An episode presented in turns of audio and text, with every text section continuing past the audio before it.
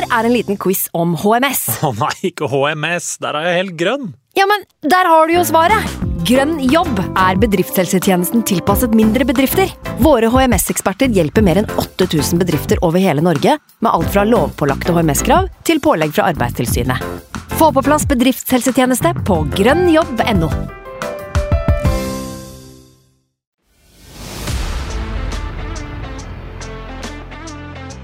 When I lose a duel, I'm upset. When I lose the small side of the game, I'm upset. Because that's the fucking standard. Martin Odegaard into into the bottom corner. And Arsenal are dreaming.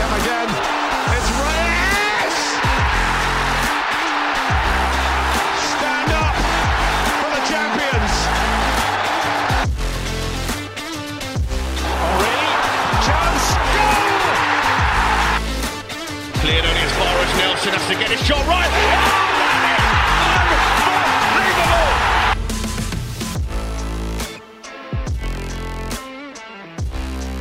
Du trodde kanskje at du ikke skulle høre fra oss eh, denne uka her, men eh, der tok du altså grundig feil. Eh, vi eh, har jo hatt en pause nå pga. Eh, interlull som er Bussan Lull, som Magnus har sagt til meg tidligere når jeg var gjest her. Eh, som har gjort at det er litt lite stoff å, å prate om. Men da har vi kommet på et kjempekonsept til dere her. Eh, eller vi, det er egentlig poddens eh, veteran som har gjort det. Vi, vi skal rett og slett blåse gjennom noen, eh, noen gode, gamle eh, spørsmål med overrated, underrated. Eh, både f.eks. drakt, øyeblikk, mål, sesong, spiller. Altså, ja, kanskje ikke akkurat spiller, men vi skal nå blåse gjennom litt overrated, underrated. Eh, vi skal um, blåse gjennom vår verste og vår beste elver. Eh, der tror jeg nok vi kan garantere at det blir noen diskusjoner, eh, ettersom eh, podden er delt med tanke på alder og opplevelser. Eh, velkommen skal du være til en ny episode med Arsenal Station. Eh, poddens yngste må dessverre frastå, eh, fordi at eh, han gjerne så trivielt som å arbeide. Veldig elendig prioritering, så klart. Eh, men eh, fortvil ikke, for vi, vi sitter her, vi, vi andre toen eh, sitter her. Det, er meg, Andreas Larsen, og det er Magnus Johansen. Magnus, i kveld så har vi en, en godbit til lytterne. Har du lyst til å tease litt før vi setter i gang? Ja, altså det blir jo en uh, liten eh, vandretur nedover Memory Lane, hvor vi skal, som du nevner, eh, eh, med ulike kriterier velge hva som er mest overvurdert og mest undervurdert da, i Arsenals eh, nyere historie, altså vår levetid. Og sette opp noen elvere, og det, det gleder jeg meg veldig til. Jeg er jo nostalgiker av rang. Jeg elsker å snakke om ting som skjedde før. og Spesielt på 90-tallet, når du enten svømte rundt i ja, en sjø med mange andre brødre og søstre, eller eh, gikk rundt i bleie. Eh, og jeg opplevde ting som var veldig store. Så jeg er veldig interessert i om vi klarer å bli enige om eh, spesielt den beste elveren i vår levetid. Eh, for der tror jeg vi er så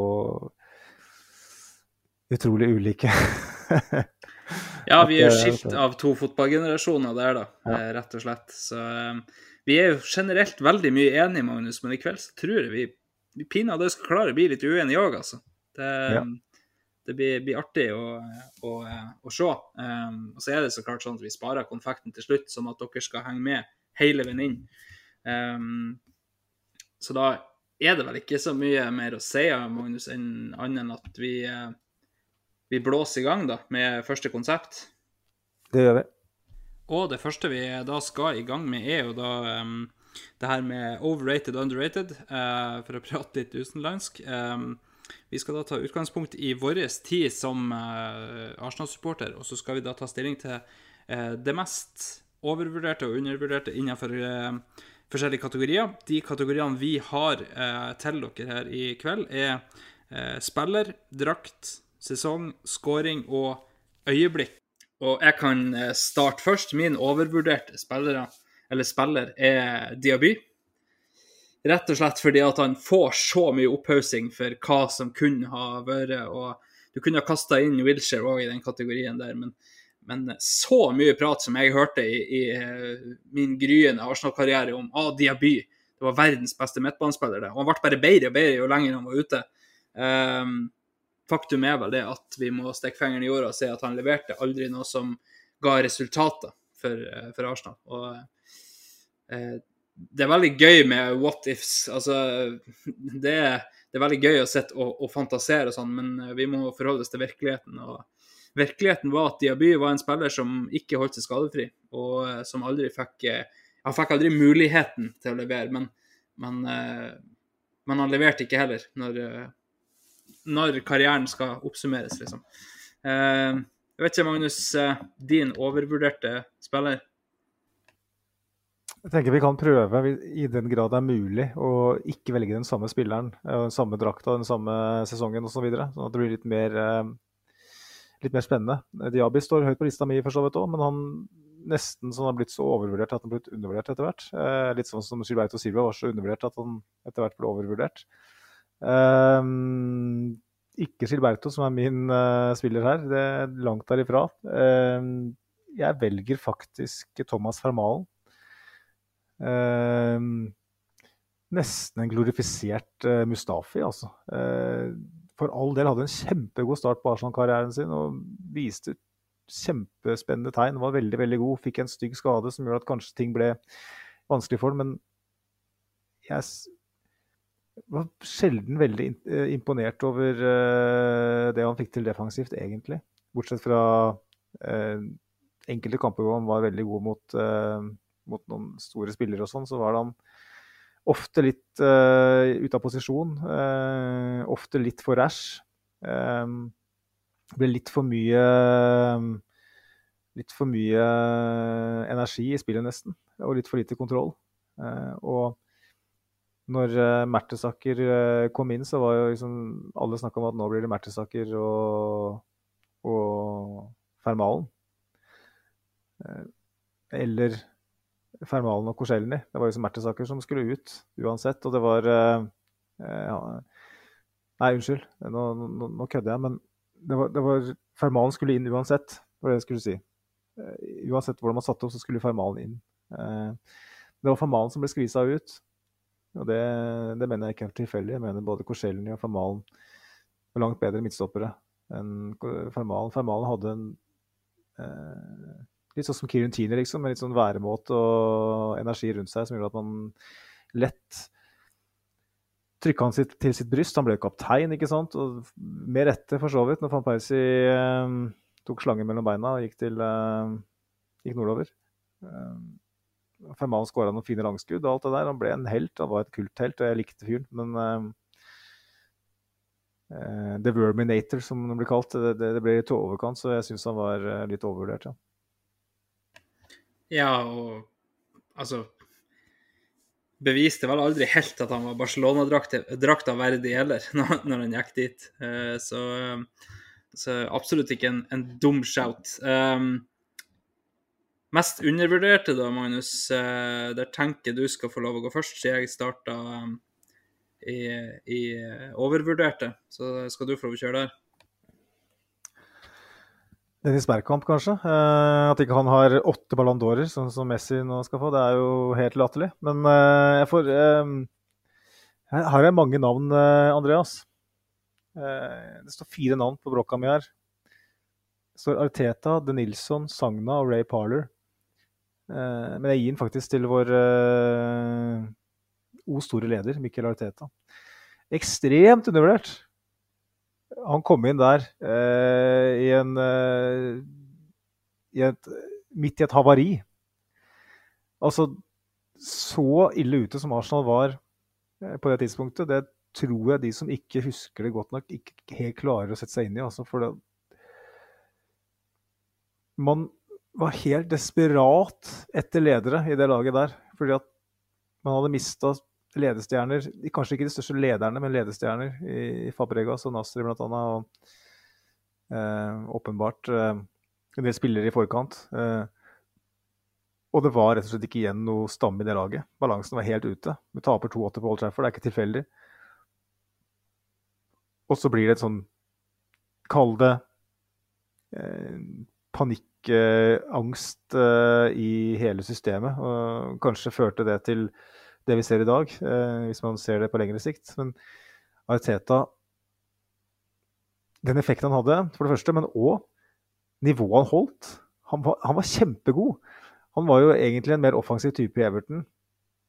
Eh, kom til Arsenal, fikk en ny rolle som eh, et anker. Eh, mine øyne eh, kickstarta Arsenal-karrieren til Aaron Ramsey med å ligge dypt der eh, og, og, rett og slett legge til rette for at Ramsey kunne gjøre det han er god på. Eller var god på.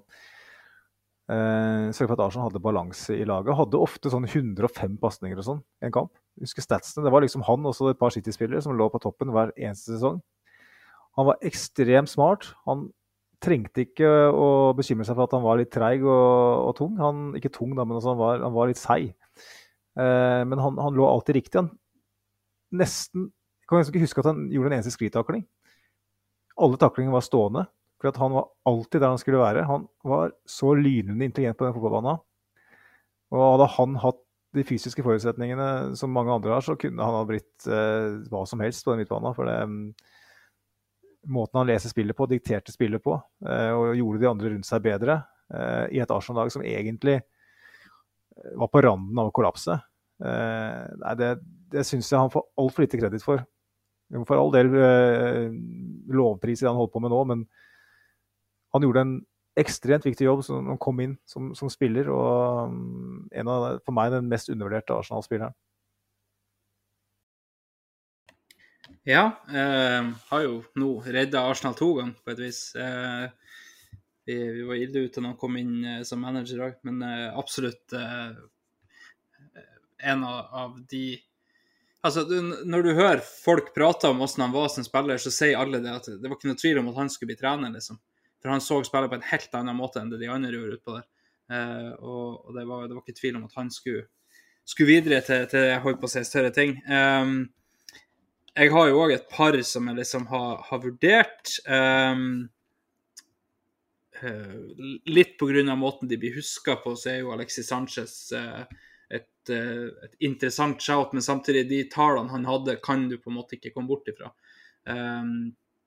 På samme måte eh, om min store favoritt Mesut Özil, som òg eh, blir huska altfor dårlig i forhold til det han var. Eh, rett og slett pga. hvordan det gikk til slutt.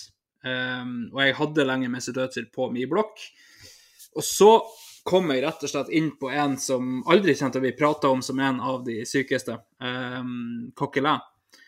Som rett og slett gjorde det mulig for oss å spille med, med Cazorla, med Özil, med Ramsey, med de typene der. Eh, hadde, du, hadde, du, satt opp eh, en midtbane med Ramsey, Casola, Özil, så hadde vi sluppet inn mye mål. Um, mer enn det vi gjorde på den tida. Um, for det var lite dekning sånn generelt i måten Wenger ville spille. Han skulle, uh, som jeg har sagt tusen ganger i både min og denne poden, uh, det var ikke nøye om motstander skåra tre, vi skulle skåre fire. Uh, det var liksom på en måte den måten vi skulle vinne fotballkamper. Men Coquelin skapte et, et um, et grunnlag som gjorde at Casorla kunne være briljant framover, uten å måtte tenke seg så veldig mye om. Og så var det ikke det var ikke Arteta-esk i, i taklingoppbygginga der. Det var ikke sånn at han var på rett plass til alle tider, men han kom skliende inn i, i diverse høyder. Um, og, og, med både knotter og det som verre framover på seg. Um, det, det, var, det, var, gøy å se på. Um, vi hadde en som, som spilte fotball med, med oss når, når jeg var på ungdomslag. uh, og, og, han Jeg husker jeg sa det til ham at han minnet meg om Coquelin. For han kom inn i hodedueller, knehøydene. Eh, det var liksom, han var helt villbass. Og, og, det var sånn som eh, Coquelin kunne gjort. Så derfor så ble det Coquelin for meg. og jeg håper at mine Det blir færre av oss, men mine fellow Øtzil-forkjempere kan tilgi meg det. For Øtzil har òg tall som backer det så helsikes opp. Eh, du kan ikke si at han ikke var bra. Eh, og gjør du det, så ja, da så du ikke han på sitt beste. Det, det er så enkelt. Um, vet ikke om du har noen kommentarer før vi går videre til, til drakt, eh, Magnus? Nei, altså jeg er jo helt enig i at Coquelin eh, fikk eh, Iallfall sånn i ettertid. Sånn der og da så føler jeg at han fikk eh, den krediten han fortjener. Ikke sant? Han kom inn der i, i januar eh, etter å ha vært på utlån i Charlton. Eh, rett inn mot Manchester City på Etiad. Eh, den berømte matchen hvor spillergruppa rett og slett eh, tok et møte uten Wenger, hvor de bestemte seg for at nå må vi faktisk legge om stilen i sånne typer kamper. Veldig interessant eh, i seg selv. Og Coquelin var på en måte for Jeg husker vi snakka om da i forkant at kanskje vi må stille med Callum Chambers på sentral midtbane. Eh, og tenkte at ja, vi heller det enn å hente tilbake Coquelin fra Charlton, for det, det blir useriøst. Oi, oi, oi. Eh, den historien er, den er fin, altså. Så eh, jeg syns vi har glemt eh, Som fanbase så har vi glemt Coquelin litt for mye. Han fortjener faktisk å bli, bli nevnt i, i større ordelag. Ja, eh, han, han gjør det. Og um, derfor dro han fram. eh, Som du sier, så fikk han mye creds eh, når det her pågikk. Men i ettertid så har han bare fått lov å gli ut i intetheten, på en måte. Eh, Vi tenker ikke over at han har vært i La Liga i, i flere sesonger etter det. Men det er liksom sånn Ingen som egentlig brydde seg så mye om hva som på en måte ble av den her krigeren vår på midten. Um, Da går vi videre til drakt, Magnus. Tidenes eh, mest, eller min tid, eh, mest overdrevne, eller overrated, da, overvurdert. Drakt, det er for meg eh, 06-07 borte, fordi at den er helt lik som året før. Det er en, det er en ut av de gule. Året før hadde vi gult med O2 på. Eh, året etterpå så hadde vi gult med Fly Emirates på. Og sorry, men det gjør ikke det for meg, som den O2-drakta gjør. Så, og, og Magnus har, eh, har onaugene i, som vi sier nå eh, her oppe. Eh, det, det er veldig, veldig gøy. Men eh, jeg regner med at du har noe, noe helt annet, Magnus. Her, altså du, du er jo et barn eh, i fotballdraktsammenheng, Andreas. fordi at når, vi, når jeg vokste opp, så, så hadde man den samme hjemmedrakta i tre år. ikke sant? Og det at man viderefører en, en drakt eh, Vi gjorde faktisk det med den eh, Husker du den eh, gule bortedrakta fra 2010-11-sesongen? Med, med sånn burgunderrød krage og, og, mm, på, og litt sånn på nederst på ermene. Den hadde vi i tre sesonger.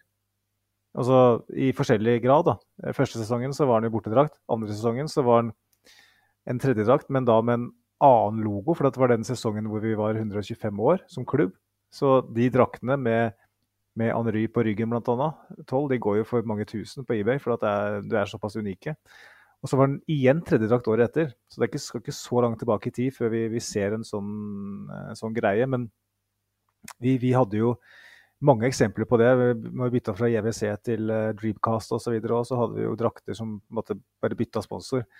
Syns det var veldig slemt av deg å dra fram den drakta. Den henger på stativet i kjellerstua rett ved meg. Den, ikke den Fly Emirates, men det, var, O2. det, var det, det var det jeg håpa på. Men O2-drakta for meg er veldig, veldig fin. Eh, men for meg så gjør ikke det der Fly Emirates det samme på den drakta. Og litt fordi at det er den O2-drakta som på en måte er Det var jo når jeg begynte å se fotball, sant. Eh, så, så for meg så var den O2-drakta så var det den som var greia. Så kom det Fly Emirates-greien, og det Ja. um, Du, du liker ikke sportsvasking, og det, det, det respekterer jeg deg for, eh, Andreas. Men, og det, det, er eh, det, er jo det er den skjorta, da, hvis du ser bort fra sponsoren, som Tier Ion Rys skårte eh, mot Real Madrid med. Eh, Det er ikke, et argument i seg selv. fordi at når jeg skal avsløre min eh, overvurderte drakt, så kommer jeg til å sende sjokkbølger inn i det norske, norske Arsenal-miljøet. Eh, men eh, jeg syns den drakta er fin, jeg. Ja, men det, det skal du få lov til. Eh, det, det ødela bare litt for meg at den O2-en forsvant. For det var litt før jeg på en måte var kommet inn i mekanismene i klubben. Jeg trodde jo at det her O2-greien det var en del av Arsenal, liksom. Eh, det var nesten så ille. Så, så når den forsvant, og liksom det der var eh, Min første Arsenal-drakt, det har jo jeg sagt til deg før, det er jo den, den vinrøde med O2 på, og Thierry Henry på, på ryggen. I juniorstørrelse, da, riktignok, men, men den har jeg liggende hjemme på på loftet til mamma og poppa. Um, så, så, den ligger hjemme der. Um, men uh, da kan vi jo gå videre til sjokkbølgene dine, da, Magnus. Ja. Eh, og det her Det gjør meg vondt, men Jeg må, jeg, må, jeg må, bare se på drakta for det den er. Eh, jeg syns ikke det er en veldig dårlig Det er ikke en dårlig drakt eller en stygg drakt. Men fordi at den blir så ikonisk i kraft av at, hva den representerer, så syns jeg den er overvurdert. Og det er Invincibles-drakta. Jeg syns den er egentlig ganske kjedelig. Eh, jeg syns mange av de der draktene fra den tida der er litt sånn halvveis. Blant annet bortedrakta fra eh, Var det sesongen før òg? 2002-2003. Eh, den derre blå og kul på ryggen med den røde båndet rundt livet. Du hadde den derre helt syke, futuristiske synsbedraget-greia på fronten der, for de som husker det. Den blå eh, bortedrakta fra 0203. Den har ikke fått så mye blest ettertid, så den er ikke overvurdert, men den er jo ikke spesielt pen. Men den, den Invincibles-drakta til tross for det den representerer altså, Eller det er nettopp det som er problemet for meg. da. Eh, vi snakker om overvurdert. Det betyr ikke at jeg ikke liker drakta, men han, det er mange som snakker om den som the holy grail, på en måte. Eh, men sammenligna med de andre draktene vi vant ligatittelen med eh, i min levetid, så er jo den soleklart minst lekker. Ja, og det er jo nettopp det. Altså, det, det her er ikke draktene vi syns er styggest.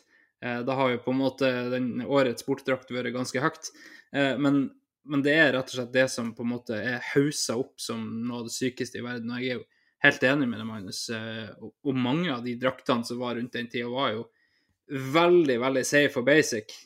Og så har jo på en måte både Puma og Adidas for så vidt fått, fått kjent på hvordan det er å gå litt for langt andre veien. Med reaksjoner på Twitter og det hele tatt. Så, så det er for så vidt kanskje greit. Eh, så skal vi ikke glemme at Nike òg hadde jo et prøveprosjekt med den hvite stripa opp etter sida, eh, som ble eh, relativt kjølig mottatt. Eh, men eh, ja. Jeg er jo enig i at den er veldig basic, eh, Invincibles-drakta. Eh, og jeg syns jo på en måte det er veldig greit grunnlag for det vi på en måte holder på med her. For, for ja, den representerer Invincibles, men det betyr ikke at det er verdens fineste drakt. Det betyr at vi gjorde noe sinnssykt i den drakta. Eh, og kanskje nettopp derfor er den hausa så heftig opp. Eh, garantert derfor. Um, hvis vi går videre til undervurderte, Magnus, uh, så uh, kan vi følge mønsteret. Så kan du få lov å begynne med det. Ja. Um, det må jo da bli um, en litt nylig en. Jeg skulle ønske at jeg kunne være litt sånn uh, nostalgisk og, og, på en måte bruke Eh, alderen min litt grann, sånn sett, og fartstida uh, med å komme med noe som var litt eldre. Men de draktene fra 90-tallet ble jo med rett hausa opp. Eh, det var jo gullalder. Jeg kan jo bare nevne kjapt da, at tredjedrakta fra 94-95 den er ikke undervurdert, men den er glemt, for den ble brukt bare to ganger. Det var jo det, den sesongen når Arsenal for første gang siden 60-tallet vel hadde blå bortedrakt. Eh, og da måtte man ha en gul tredjedrakt, så man fortsatte å ha en gul drakt. Og den, den gule tredjedrakta den ble da brukt to ganger. den ble aldri kommersielt utgitt. Eh, så de som eksisterer, er kun da drakter som har blitt brukt av spillere enten på førstelaget eller på eh, si, akademi eller underlaget. da. Eh, så hvis det, hvis det, er noen som vet om den drakta til under 5000, så gi meg beskjed, for da er jeg interessert. men for meg så må det bli hjemmedrakta fra eh, 2021-sesongen. Den vi vant FA-cupen med da, for så vidt året før. Vi, det er jo alltid sånn at man Debuten til uh, nye drakta blir siste hjemmekamp for uh, sesongen før. Jeg er ikke helt, jeg helt tilhenger av akkurat det. Men uh, den drakta den er jo da den andre hjemmedrakta til Adidas etter comebacket. med det derre lynmønsteret i drakta. Det er jo igjen litt en litt kopi av det som skjedde på 90-tallet. Kanskje derfor jeg liker det. Og så hadde man Adidas-stripene på siden på, på, kroppen, kan du si, i stedet for på armene. Eh, jeg syns den er lekker. Jeg syns den er kjempefin. den er en drakt som har fått ganske mye tyn. Det er mange som ikke liker den. Det er, liksom, det er ikke ordentlig Arsenal-farge. Det er for mye mønster, det er for mye flash. Jeg vil ha en plain drakt. Jeg vil ha den som hadde sesongen før, den første. Men jeg er nok uh, av den skolen at jeg liker litt flash. da. Kanskje fordi at jeg vokste opp med 90-tallsdraktene. Og rett etter Bruce Banana-drakta. ikke sant? Så eh, jeg syns den, den får altfor lite oppmerksomhet, syns jeg. Ja, eh, det er jo første drakta vi så Ødegård i. Eh, jeg har den drakta med Ødegård 11 eh, fra han var på utlån. Eh, rett og slett fordi at når han signerte for Arsenal, så OK, jeg må jo ha, sjøl om han er bare en lånespiller i seks måneder, så må jeg ha den drakta, liksom. Eh, så da gikk jeg til innkjøp av den med Ødegård 11 på, eh, som ja, Det er ikke så jævla nøye om det blir mye verdt en eller annen gang fordi at han har 11 og ikke 8. Eh, den blir nok hengende i skapet her, tenker jeg. Eh, jeg syns jo det er flere som kanskje er undervurdert sånn sett, med, med, tanke på det du sier da om at det er litt, litt flashy, kan, eller litt flashy det vi, vi liker. Så jeg syns jo de draktene eh, Det året vi hadde de mørke bortedraktene og de litt sånn mintgrønne eh, tredjedraktene. Og så hadde vi den som hadde nesten rosa striper eh, med en sånn V på på brystet. Eh, det var Emery-sesongen, hvis jeg ikke husker feil. Eh, en av de da. Eh, der Sjaka skåra et sånn sinnssykt frispark mot Crystal Palace eh, i de mintgrønne. Og, og, i det hele tatt, vi gjorde jo ingenting med de draktene. Men jeg likte både hjemme- og bortedrakta. Tredjedrakta med mintgrønn var liksom ikke sånn helt min stil, men, men første og, og andre drakta var, var fin. Men uh, for meg så er den mest uh, undervurderte drakta det er 16-17 tredjedrakta. Det er den grønne og nei, eh, svarte og refleksgrønne uh, som Øtzil skåra det sinnssyke målet mot uh, Ludogorets, der han først vippa keeper, og så drar to mann og, og setter den ned. den drakta har jeg med Alexis Sanchez på, hvis jeg ikke husker feil. Sanchez, eller Alexis 7 på, på ryggen på den. Um, og, og, det er for meg uh, ei nydelig drakt. Um, så det er Ja, altså vi, vi, Alt det her er jo preferanser, sant. Det er jo uh, hva syns jeg er finest, hva syns du er finest, hva, hva er det vi uh, kanskje ikke nødvendigvis forbinder ting med. Det er jo det vi på en måte prøver å unngå litt med det her. Det her er ren smak. Uh, det her er liksom Ja. Uh, som sagt rene preferanser, stilpreferanser. Og vi vet jo at smaken er som baken. Det, man bør dele på den, som, uh, som man sier. Um, men det er jo litt gøy at man kan være litt uenig, i hvert fall. Så, um, så er det sånn at alle kommer til å ha en mening om både det vi sier her, Magnus, og, det, det um, de andre sier i kommentarfeltet, litt sånn forskjellig. Um, men um, så skal vi videre til til neste kategori, da. Um, og her må jeg ærlig innrømme at her sleit jeg. Uh, fordi at i min sånn, i hvert fall i hermetegn relativt korte Arsenal-karriere som supporter, så, så, er det liksom lite sånn som jeg kan si med handa på hjertet at, at den sesongen, for nå skal vi inn på rene sesonger, um, at den sesongen den er overvurdert eller undervurdert. Uh, så det er liksom ikke så det var ikke så lett da, for meg å, å plukke ut noe sånn uh, rett ifra hodet. Så jeg måtte rett og slett sette meg ned og tenke ganske, ganske hardt igjennom. Uh, sånn forventninger kanskje, kontra hva vi fikk ut av det. Uh, eller rett og slett bare hva, hvordan det blir prata om i ettertid. Så det var ikke så lett.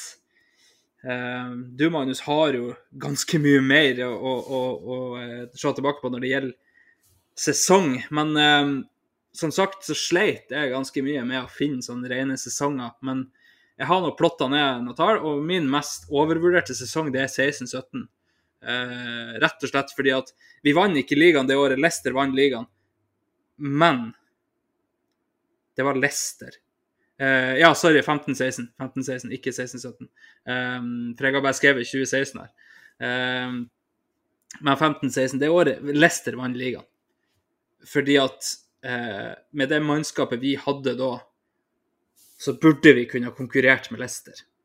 For det var faktisk bare Leicester igjen eh, når vi leda ligaen i, i, til nyttår. Så derfor er det den mest overvurderte sesongen. For at folk driver og prater om eh, at eh, vi var det eneste laget som hamla opp med Leicester. Vi var det eneste laget som slo de to ganger. Vi var det eneste laget som Og vi leda helt fram til da. Men for meg så er det en ganske stor fiasko, egentlig å la Leicester ta igjen det forspranget som vi hadde. og så gå forbi oss med såpass mange poeng. Eh, det var vel snakk om tolv poeng differanse sånn til slutt der. Um, så um, ja, altså, altså, på, tenker du på sluttabellen? Uh, ja, ja, på sluttabellen. Ja, det, når vi jeg vet ikke om vi på noe tidspunkt led, leda vi Premier League eh, altså Vi leda vel kanskje til nyttår, men Vi leda til nyttår, og så leda vi med tre poeng på det meste, tror jeg, og så tapte vi vel ligaen med ni poeng opp til Leicester. Ja, vi kollapsa jo, selvfølgelig. Ja. Helt, så, helt åpenbart. Ja. Men uh, vi hadde Så derfor er det liksom den her eh, Hvorfor skulle vi tape tolv poeng på Leicester? Den var på vårparten. Uh, ja, det nei, var altså, liksom det klart- som gjorde det så overvurdert for min del. da. Ja, det er klart at, Le- at eh, Leicester fikk jo en veldig respektabel poengsum, da. Så man blir jo litt farga ja, ja. av at det, er, at det er Leicester, men det er jo um, litt måten det skjer på for meg, da. Uh, med tap uh, borte mot eh, United eh, med 17 år gammel Marcus Rashford på topp og skadeplaga van Gahl-elver ikke sant, som ikke klarer å angripe. Mm. Og så tape hjemme mot Swansea i kampen etter, når alt står på spill. Det er slike ting Ja. som gjør at man liksom Ja, så jeg, jeg syns det er et godt shout. For min del så, så er det en annen sesong i samme periode. Det er um, 13-14-sesongen. Øzil sin første sesong, og ikke minst når de ni årene med smerte uten sølvtøy eh, ble avbrutt mot eh, Hull på Wembley, eh, hvor jeg var heldig nok til å være til stede. Rangerer det veldig høyt blant mine største øyeblikk som Arsenal-supporter. Men la oss være ærlige. Øzil leverte, han. Hadde en veldig god sesong, men Arsenal denne sesongen her God høstsesong, for all del. Men vårsesongen var jo en katastrofe. Eh, ja, katastrofe er å ta i, da. La meg moderere meg. En, det var underwhelming. det var stortap på stortap borte. 0-6 mot Chelsea. Det var 3-6 mot uh, City. Det var 1-5 mot uh, Liverpool, og vi tapte vel sikkert på Old Trafford uten at jeg husker det. Vi tap- vi tapte til og med 3-0 borte mot Everton. Roberto Martinez sitt Everton. Hvor Lukaku for eneste gang i løpet av hans karriere i Premier League klarte å spille bra mot et topplag. Eh, ja, bortsett fra at han eh, rett og slett eh, sendte Pablo Mari hjem til Spania. Da. Så det var jo også måten vi vant FA-cupen på. Vi, vi, jeg er nok der liksom tenker at Mesut Özil kom til klubben og endelig vant vi et trofé. Det var ikke tilfeldig. Jeg har på en måte litt sånn selvransakelse der. Vi vant mot Wiggen i semifinalen på straffekonk. Straffekonk Det var et helt grusom match av Arsenal. Vi var helt forferdelig dårlig.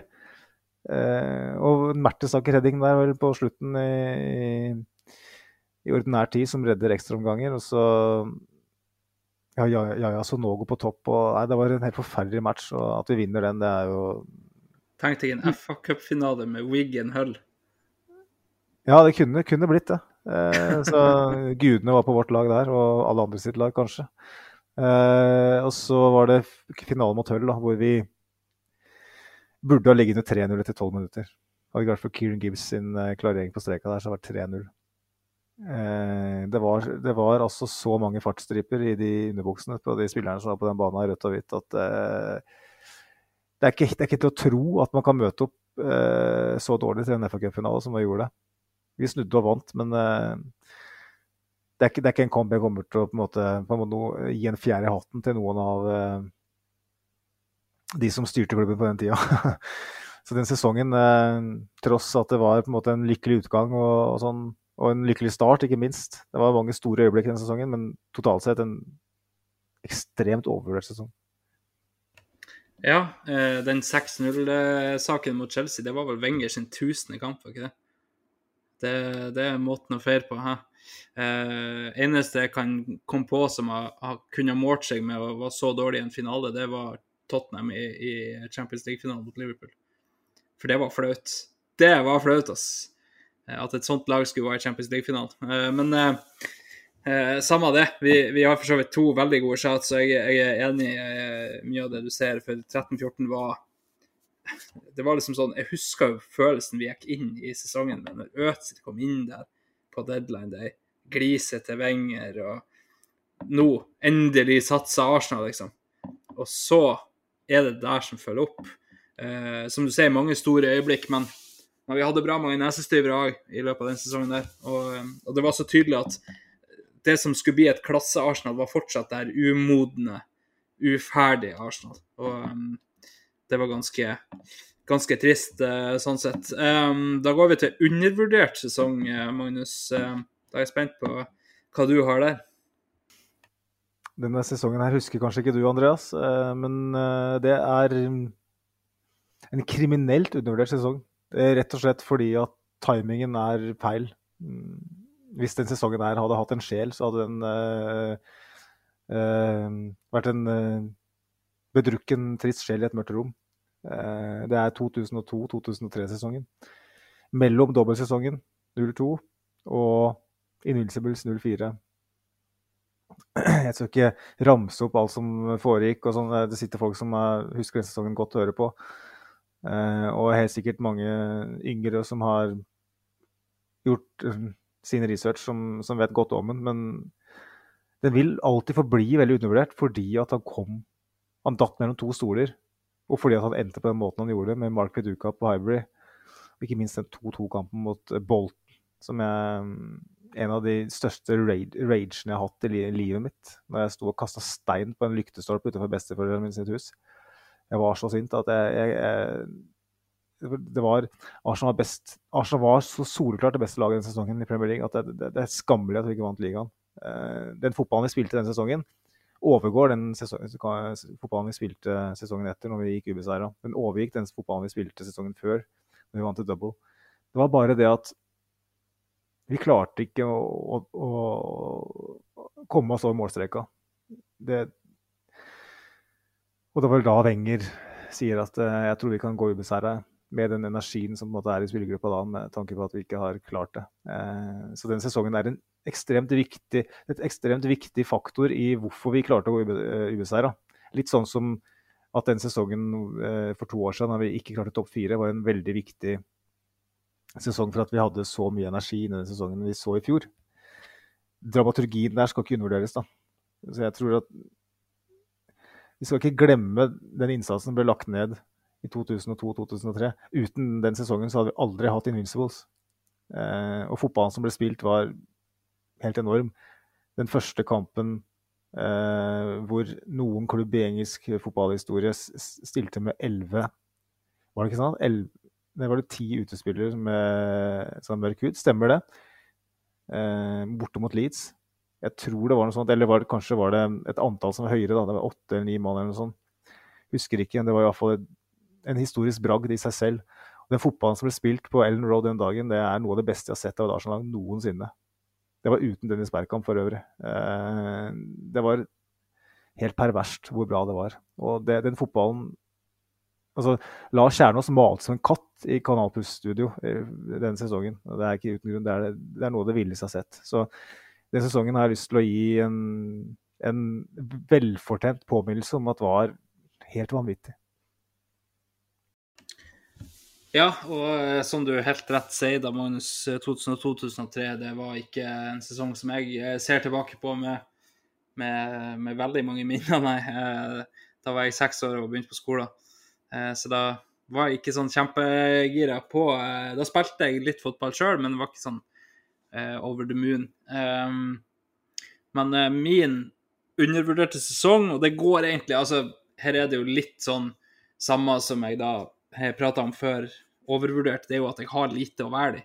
Uh, det er mye rart som kan Vi kan jo si forrige sesong er undervurdert pga. det vi bygger nå, uh, men samtidig så får det så mye opphaussing at mm. uh, Men det jeg har gjort Jeg har egentlig vært en slags epoke, så jeg bare satt et eksempel på det. og det er sånn rundt eh, 2008-2009-sesongen, det Wenger gjorde da, med null penger, null midler, måtte selge de beste hele tida, eh, og, og, fikk oss søkte opp stallen i, i 08-09. Dere kjente navn, dere, er ikke det, men det er ikke mange sånn svære stjerner. Eh, og vi kom til, til Champions League eh, gang på gang med, med sånne, altså med Squilacci i troppen, med med Bentner som spiss, med, med Almunia i mål, med, med Sonner, ikke sant. Eh, så for meg så er det den epoken der da på en måte som får det. Eh, fordi at vi så noen år etterpå, eller en del år etterpå, eh, hva han egentlig hadde gjort. Eh, når vi ser lag som var mye større enn det, det vi holdt på med da, eh, som ikke klarte å få Champions League. Um, og, og, vi ser uh, Altså, vi var ikke competitive i, i ligaen, på ingen måte. Uh, ikke oppe i, i, toppen, i hvert fall. Men, men han holdt det liksom tikkende rundt med Champions League-fotball. så for meg er det det. Magnus, du har en kommentar på det her? Ja, for at, du er jo helt rett, det du sier. kult at du redefinerer til en epoke, men jeg tenker du kan jo si 0708 hvor vi faktisk er competitive i Premier League. Og vi i, er kanskje det beste laget i Premier League denne sesongen. Bare at vi, litt sånn som jeg snakka om i 02-03, så kollapser vi på slutten. Eh, med Flamini og Fabregas og van Persie og unge gutter på den tida. Eh, var helt utrolig gode. Så jeg kan jo servere på det, den på et fat til deg hvis du har lyst til å ta en sesong. Eh, jeg vet ikke om den er hvor undervurdert den er. For jeg føler at det er veldig mange som snakker om den. Men, uh, men det er kanskje vi nærme. Det var på en måte derfor det kanskje ikke valgte det 0708, for da var det der Project Youth. Det var så mye på en måte rundt det. Mens 0809 så var det på en måte mer Det skulle være mer etablert, det vi holdt på med. For det Project Youth skulle liksom ha litt grann faste punkt i det. Der. Og da var altså Van Persie var blitt en eldre, Gibbs var blitt en eldre.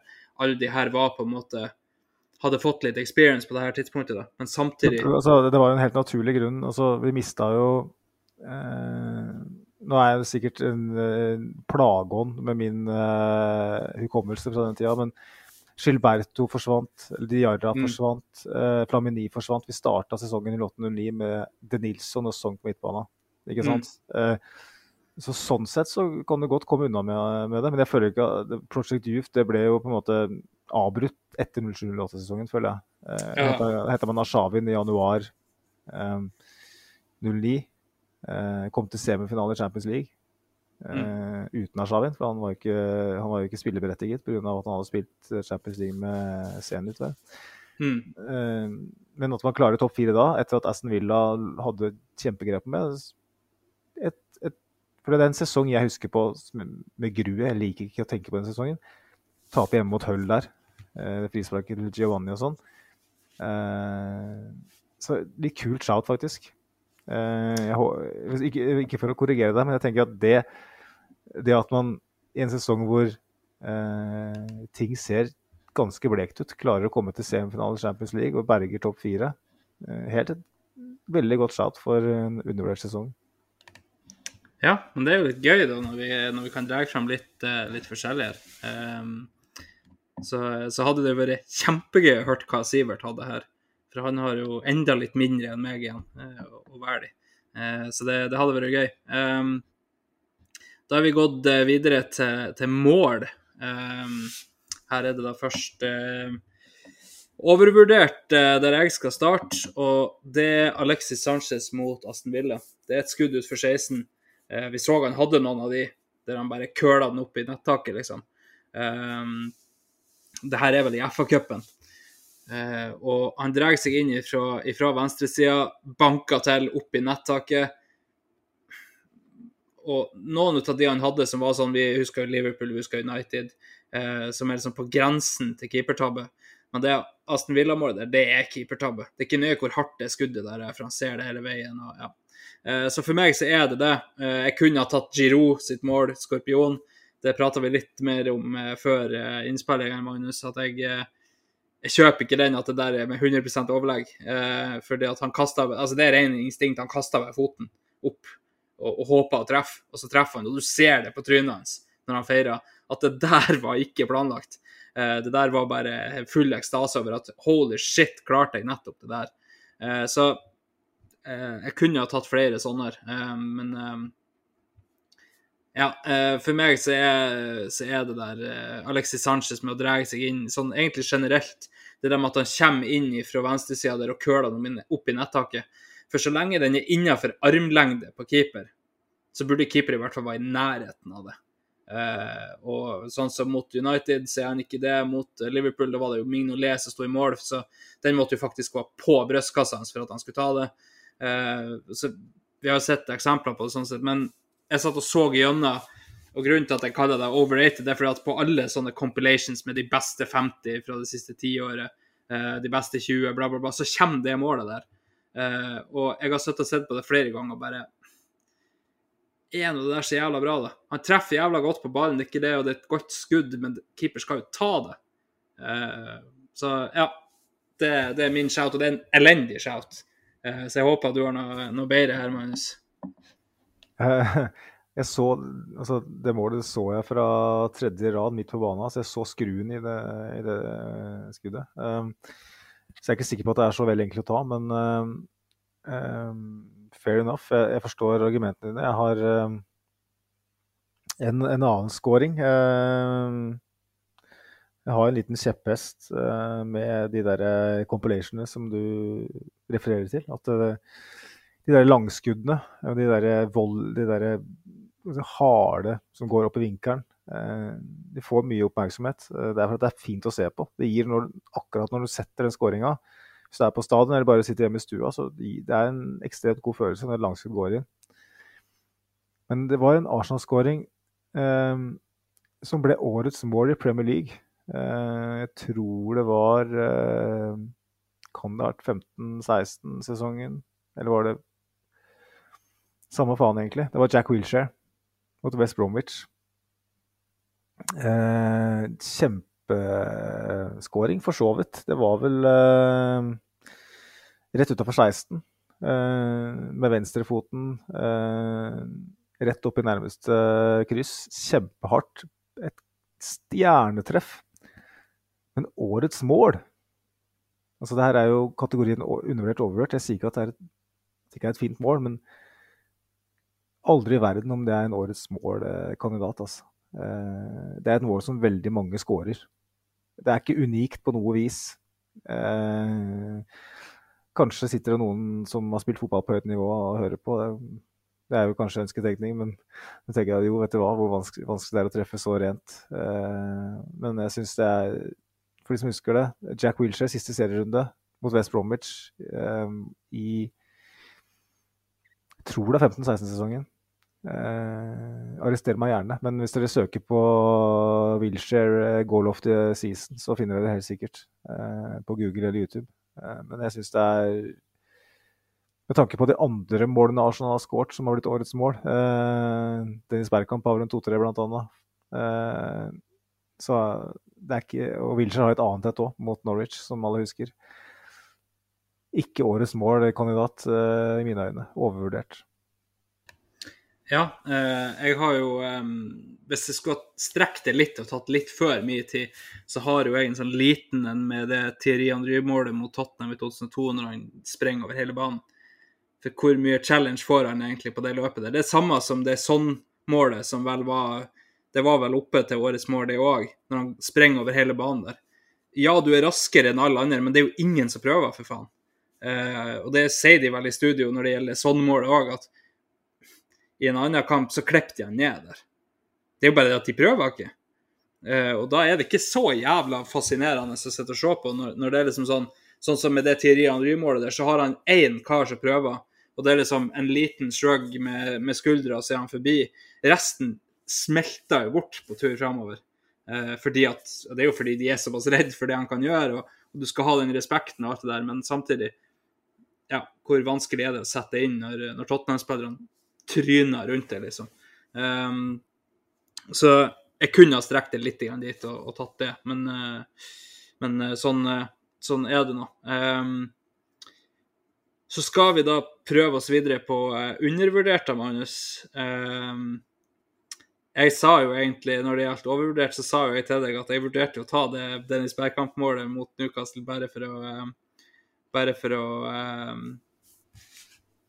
ja, fyre opp under. Det var, det, var, det var, synd du ikke gjorde det, for det da kan det godt hende at, de hadde, at lytterne hadde hørt meg på en annen uh, sinnstilstand enn ellers. Ja, eh, det, jeg tipper jo at eh, har kommet ganske tidlig da, eh, men eh, dessverre så, så, var jeg hakket mer eh, diplomat enn at jeg gjorde det. Men undervurdert skal vi gå videre til. Um, det er kanskje ikke noe sånn sjokk at det kommer et Mr. Dødsel-mål for meg. Um, jeg, har, altså, jeg har flere sånn i minnet. Altså, uh, det der uh, ene målet mot Leicester, når Arsenal plutselig var tilbake under Emery, der Øtzil hoppa over og og får den, og så legger den til, til Aubameyang. Altså, det er så porno. Og det blir prata så lite om! Og det er så vakkert, men det er ikke det målet jeg tar. Eh, jeg tar eh, Øtzil mot eh, Chelsea. Det var vel 3-0-skåringer faktisk i 16-17. Han får et legg på bakre fra Alexis Sanchez, og så setter han en volley ned i bakken, og så over keeper. Og Øtzil sin bounce-avslutning har altså Alle vet det, det var jo en trademark. Men hvis du studerer han i, i sekundene før han tar den volleyen der, så det er ikke tvil om at det der er med meninga. Den skal sprette. Uh, og, og, det er liksom sånn det der å være så klar over det som skjer rundt deg, at hvis den her spretter før keeper så, For han tror jeg kommer til å klemme til, liksom, sånn som han gjorde mot Newcastle, vel. Eh, der han bare køla den i lengste. Men, men det der å, å sprette den, altså den imot Liverpool, men den blir prata om så mye at han spratt den over keeper. Eh, og jeg har stått og sett på eh, altså Det er klart, alt er relativt, men eh, relativt gode spillere stå og prøve å få til den der bouncen der. Eh, og det er ikke så forbanna enkelt. Eh, jeg har prøvd sjøl, og jeg er nå bare en femtedivisjonsspiller for Luri FK. Eh, høyreback til og med, så, så, det er ikke akkurat sånn at jeg skal få det til. Men, men det er så jævla vanskelig.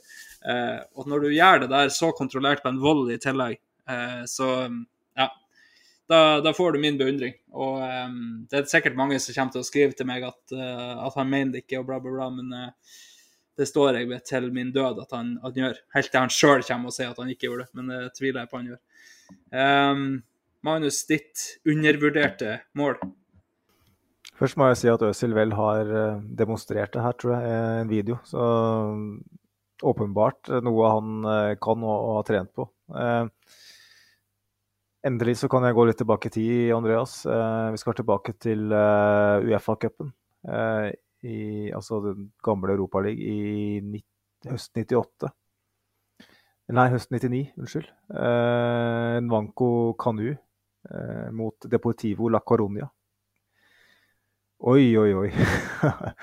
For de som ikke har sett det målet her. Eh, det var ganske nylig så det, ble det sirkulert på, på Twitter, faktisk. Eh, men jeg har jo snakka om det her i alle år. Eh, han får en Jeg husker ikke hvem som slår den pasningen i kanalen, venstrekanalen. Da leder vi vel allerede med to-tre mål. Vi vinner 5-1 den kampen. En, en, kamp jeg husker veldig godt, faktisk. Fordi at det var spesielt å se Arsenal være så dominante mot en respektabel motstander i Europacup. Kan du bare I stedet for å Altså, han, han kom mot keeper og la ball trille. Og så ballen får den i bakrom, da. Så han, han toucher ikke ballen, han bare løper mot ballen. Eh, og keeperen forventer at han skal gå, gå, inn, ta med seg ballen inn, for han kommer på, på, på si, venstre stolpen da, for Kanu. Og så bare lar han ballen bare trille. Og keeperen blir helt eh, forbløffa, så han, han, han, han, kaster seg ned eh, helt feil og, og kaster seg nesten mot eh, Kanu, forventer at han skal ta et touch. Så triller ballen bare forbi den, så setter Kanuen bare bare enkelt inn i mål eh, fra kloss hold. Og så det er en av de få gangene, spesielt på den tida, for Wenger han, han løste opp. Han var veldig sånn alvorlig i minen på sidelinjen de første årene. En av de første gangene jeg støtte støtt Wenger som smiler etter et mål som ikke har hatt sånn kjempebetydning. Eh, og det Jeg husker selv jeg smilte. Alle på Hybrid smilte den dagen, helt sikkert. Det er et unikt mål, og jeg liker unike mål. Som jeg sier, jeg, liker, altså jeg er glad i langskudd, men hvem som helst som spiller fotball på toppnivå, kan treffe et langskudd. Nigel Winterburn hadde tre kjempeskudd, ikke sant. Uh, vi har sett Saul Campbell til og med skåre på langskudd. Han kunne virkelig ikke skyte.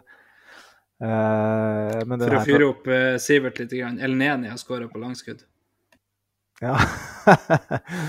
ja, nå, nå hører han det her og nå, så er han på vei. Men jeg syns, syns, det målet er unikt. Og altfor lite Det er veldig glemt, egentlig. litt tilfeldig at det ble sirkulert på Twitter nylig, men en utrolig kul scoring. Og det, det er det det er derfor jeg liker Berkham sitt mot Newcastle, det er derfor jeg liker uh, Wilshere sitt mot Norwich, og for så vidt også Giroud sitt mot uh, Crystal Palace, Skorpion også. Uh, Andry mot United, ikke sant? den lobben fra utafor 16. Uh, de unike skåringene. Zlatan mot England for Sverige. altså Skåringer som på en måte ikke det går i dusina opp på YouTube, da. Så man på en måte tenker at den skåringen har jeg ikke sett før. Det er min type skåringer, og derfor syns jeg det er rart at den skåringen har blitt litt sånn glemt. Ja, eh, sånn unike skåringer. Da vil jeg igjen nevne Øtzil mot eh, Ludogorets. Eh, der, eh, der, var det mye hyling i, i, i min stue, i hvert fall, når jeg satt og så på akkurat den. Eh, vipper over keeper der, og så kommer to stoppere ut, og begge ligger på ræva etter han. Og så plasserer han den. Da, ja.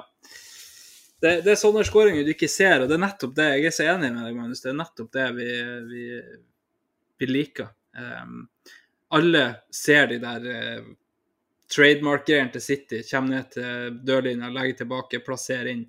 Det er kjedelige mål. Det er fint sånn lagmessig, men det er kjedelige mål. Um, eneste langskuddet så er jeg sånn skikkelig klikka på, det var det frisparket som nevnte i stad, eh, til Sjaka mot Crystal Palace. For det er sånn smekk i det der, altså, når den treffer stolpen og inn, at det er liksom sånn Man blir sittende der og bare Hva faen er det som skjer? Men eh, nok om mål. Klokka, den eh, den tikker og går. Um, da er vi kommet til det siste punktet, Magnus. Det er øyeblikk. Uh, og overvurderte øyeblikk eh, for meg.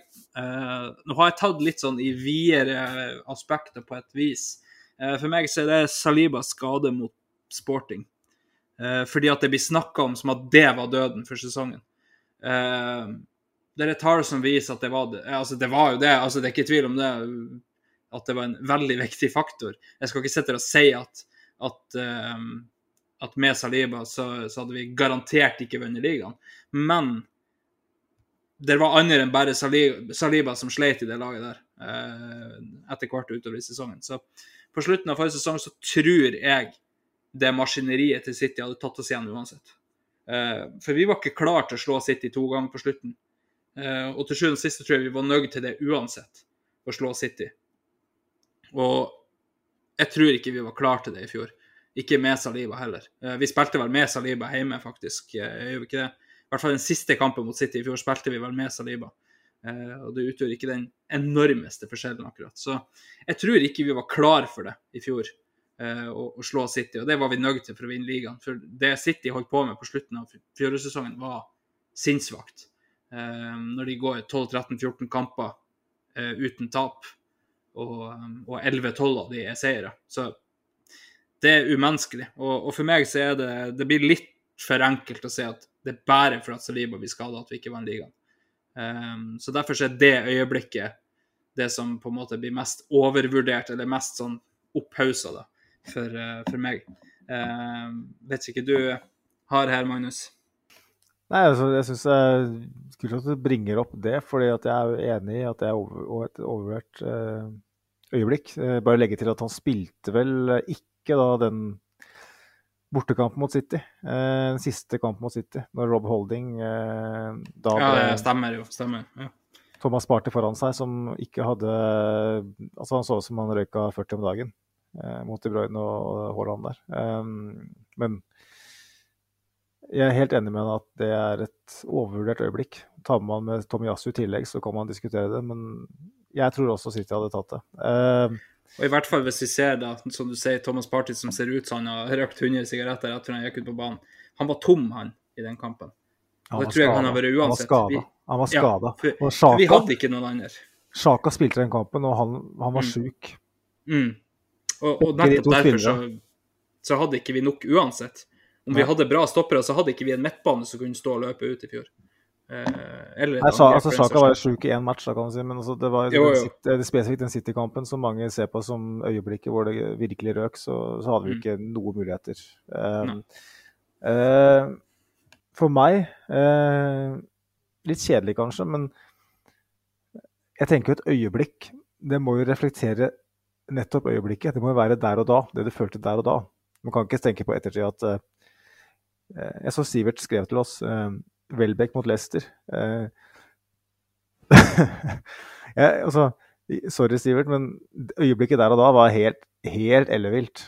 Det, det, oh, yes. det, kan ikke ta fra noen. At, at, det endte opp, at det endte opp med å ikke være det øyeblikket, det, det er jo bare etterpåklokskap.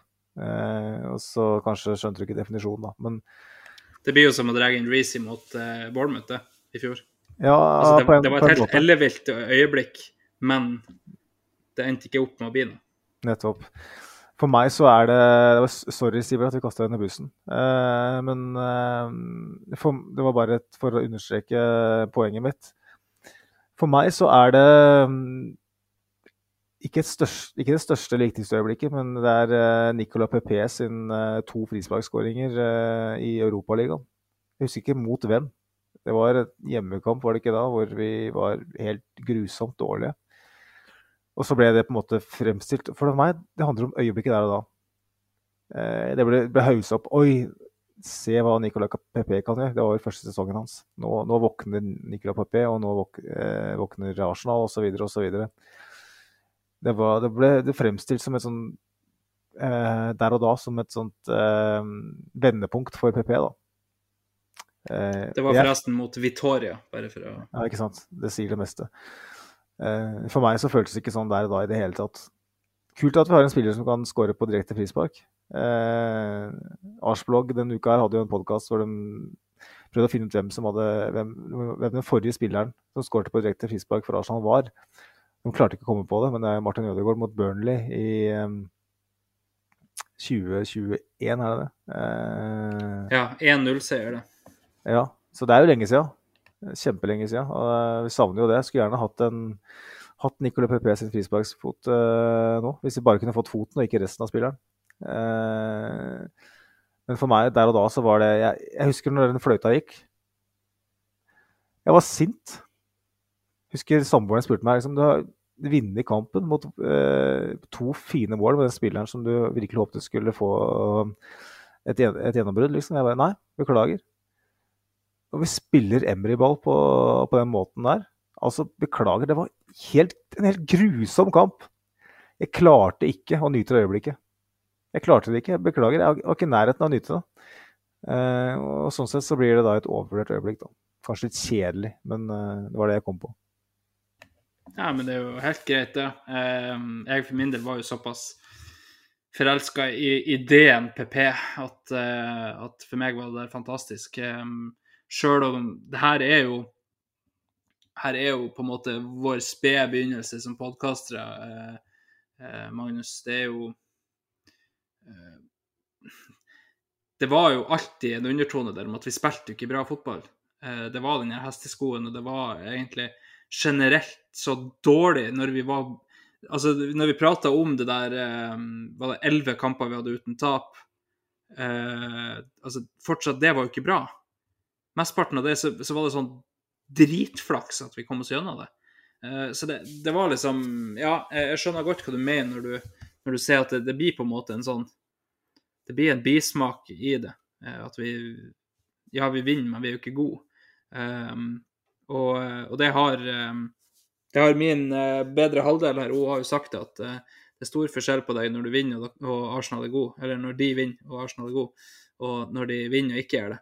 Eh, og samtidig så er det, det er stor forskjell når vi taper og er dårligst, og når vi taper og er best. Eh, når vi taper og er dritdårlig, så er man forbanna for at man er så dårlig. Når du taper og er best, så er du frustrert for at det her skulle vi ha tatt fordi vi var best. Um, og det mesteparten av venger, eh, ikke vengertida, Emery-tida, så gikk vi gjennom det og, og følte at vi får jævla godt betalt her. Helt til det til slutt ikke ble betalt i det hele tatt.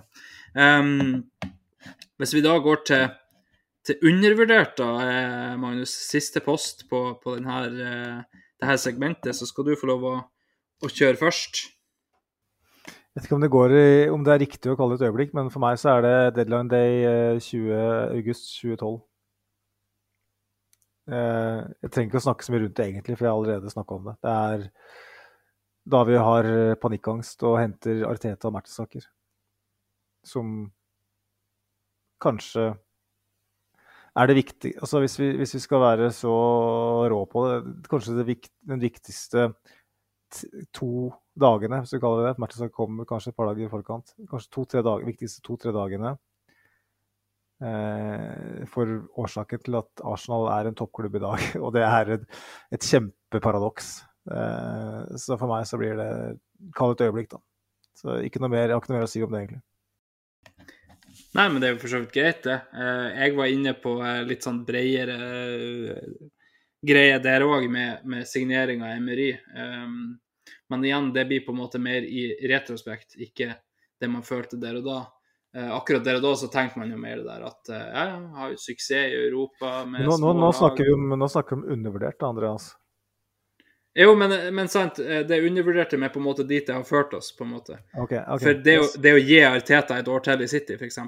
Det å gi Smith-Roe og Saka debutene sine, alt det der. Det var, det var på en måte mer dit jeg skulle der. Eh, men for meg så er eh, så er det mest undervurderte øyeblikket sånn for, for ettertid Eller i hvert fall sånn som jeg følte det akkurat da. Det var det var um, signeringa av eh, Mesut Özil, og det er ikke fordi at det er så helvetes undervurdert. Det er mer av det Du har kalt det et paradigmeskift tidligere, når, når store ting skjer, Magnus. Og, og det er så undervurdert på en måte det at vi gjorde akkurat den signeringa der. Eh, At vi gjorde ei sånn type signering. Vi har prata veldig mye om at ja, Øtzil var fantastisk, han kom inn og, og i det hele tatt, men, men uh, se på hva vi signerte før det. uh, og hva vi signerte etterpå. Alexis Sanchez kom inn i klubben etterpå. Etter det så var det aldri snakk om på en måte de der bitte, bitte små greiene lenger. Så for meg så ble det på en måte litt mer det, eh, den der feelingen med at Oi, Arsenal er faktisk eh, ute og henter storfisk. Det var på en måte det som var, var litt undervurdert for, for meg akkurat da. Og igjen så er det litt fordi at jeg har så lite å på en måte hente ifra.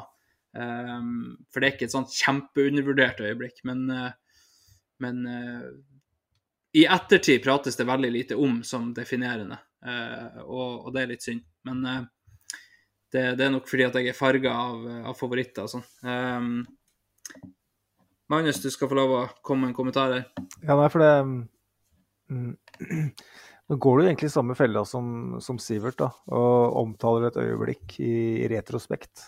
Eh, for det øyeblikket når Mesut Özil ble signert, det var virkelig ikke undervurdert. Eh, det Nei, det er jo, det er jo sant, egentlig. Det ble feira som en cupfinaleseier. Eh, Mm. jeg, jeg vil gå så langt som å, å, å sammenligne med å vinne et trofé. Kanskje ikke Premier League, men liksom under det. Eh, Når Øzil kom, så var det, det, det et enormt øyeblikk. Kanskje i ettertid så er det undervurdert, men jeg vet ikke om det er det heller, egentlig. Så jeg er ikke helt enig med deg. Eh, jeg synes du går Men i- eh, da, i- da kan jeg ta det siste jeg hadde på blokka, da. Eh, det var når Og det er rett og slett fordi at jeg, jeg var der i lag med deg. Det var når Conte tok av angrepsrekka si mot, mot Arsenal. Rett og slett fordi at For meg, akkurat der og da, så føltes det som en, som en, en rival som bretta fram Eller bretta ned buksa, rett og slett. Eh, og akkurat den delen det jeg ikke prata om så mye eh, senere. Det var egentlig bare prata om at vi var mye bedre enn de. Men det der at han ga opp Altså, det, det var jo et hvitt flagg. Det var eh, rett og slett det. Så det var det siste punktet jeg hadde på, på min liste her. Så da kan vi på en måte flytte oss over til det i stedet. Ja. ja. Um, det må jo um, komme oss til det jeg gleder meg mest til, egentlig, Andreas. Og det er Mm. jo um, de elverne. Eh, Jeg, skal, jeg lover å ikke sovne, uh, men vi skal sette opp noen uh, worst og best elevens. Nå snakker jeg engelsk. Uh, Jeg vet ikke om vi skal starte med de dårlige eller gode nyhetene. Jeg, jeg ser for meg at det som kommer til å engasjere mest, er det beste elveren. Det som Mm. kommer til å gi mest eh, triviell glede, er den verste elveren. Um, Kanskje vi skal holde igjen det, det mest engasjerende til slutt, da, sånn at vi sikrer at lytterne er med helt ut. Ja. Det tenker jeg er for så vidt greit. Um, skal vi gjøre det sånn at vi bygger oss bakenfra, da, rett og slett? Begynne med keeper og, og prate oss fremover.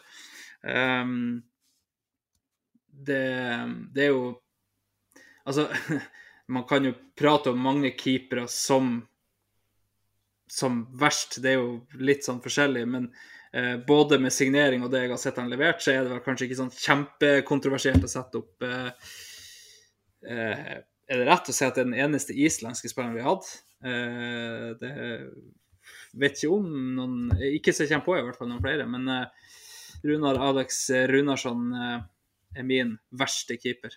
Eh, Ja, altså, altså vi, skal, vi skal jo sette opp en elver i samråd her, Andreas, så vi må jo bli Mm. enige.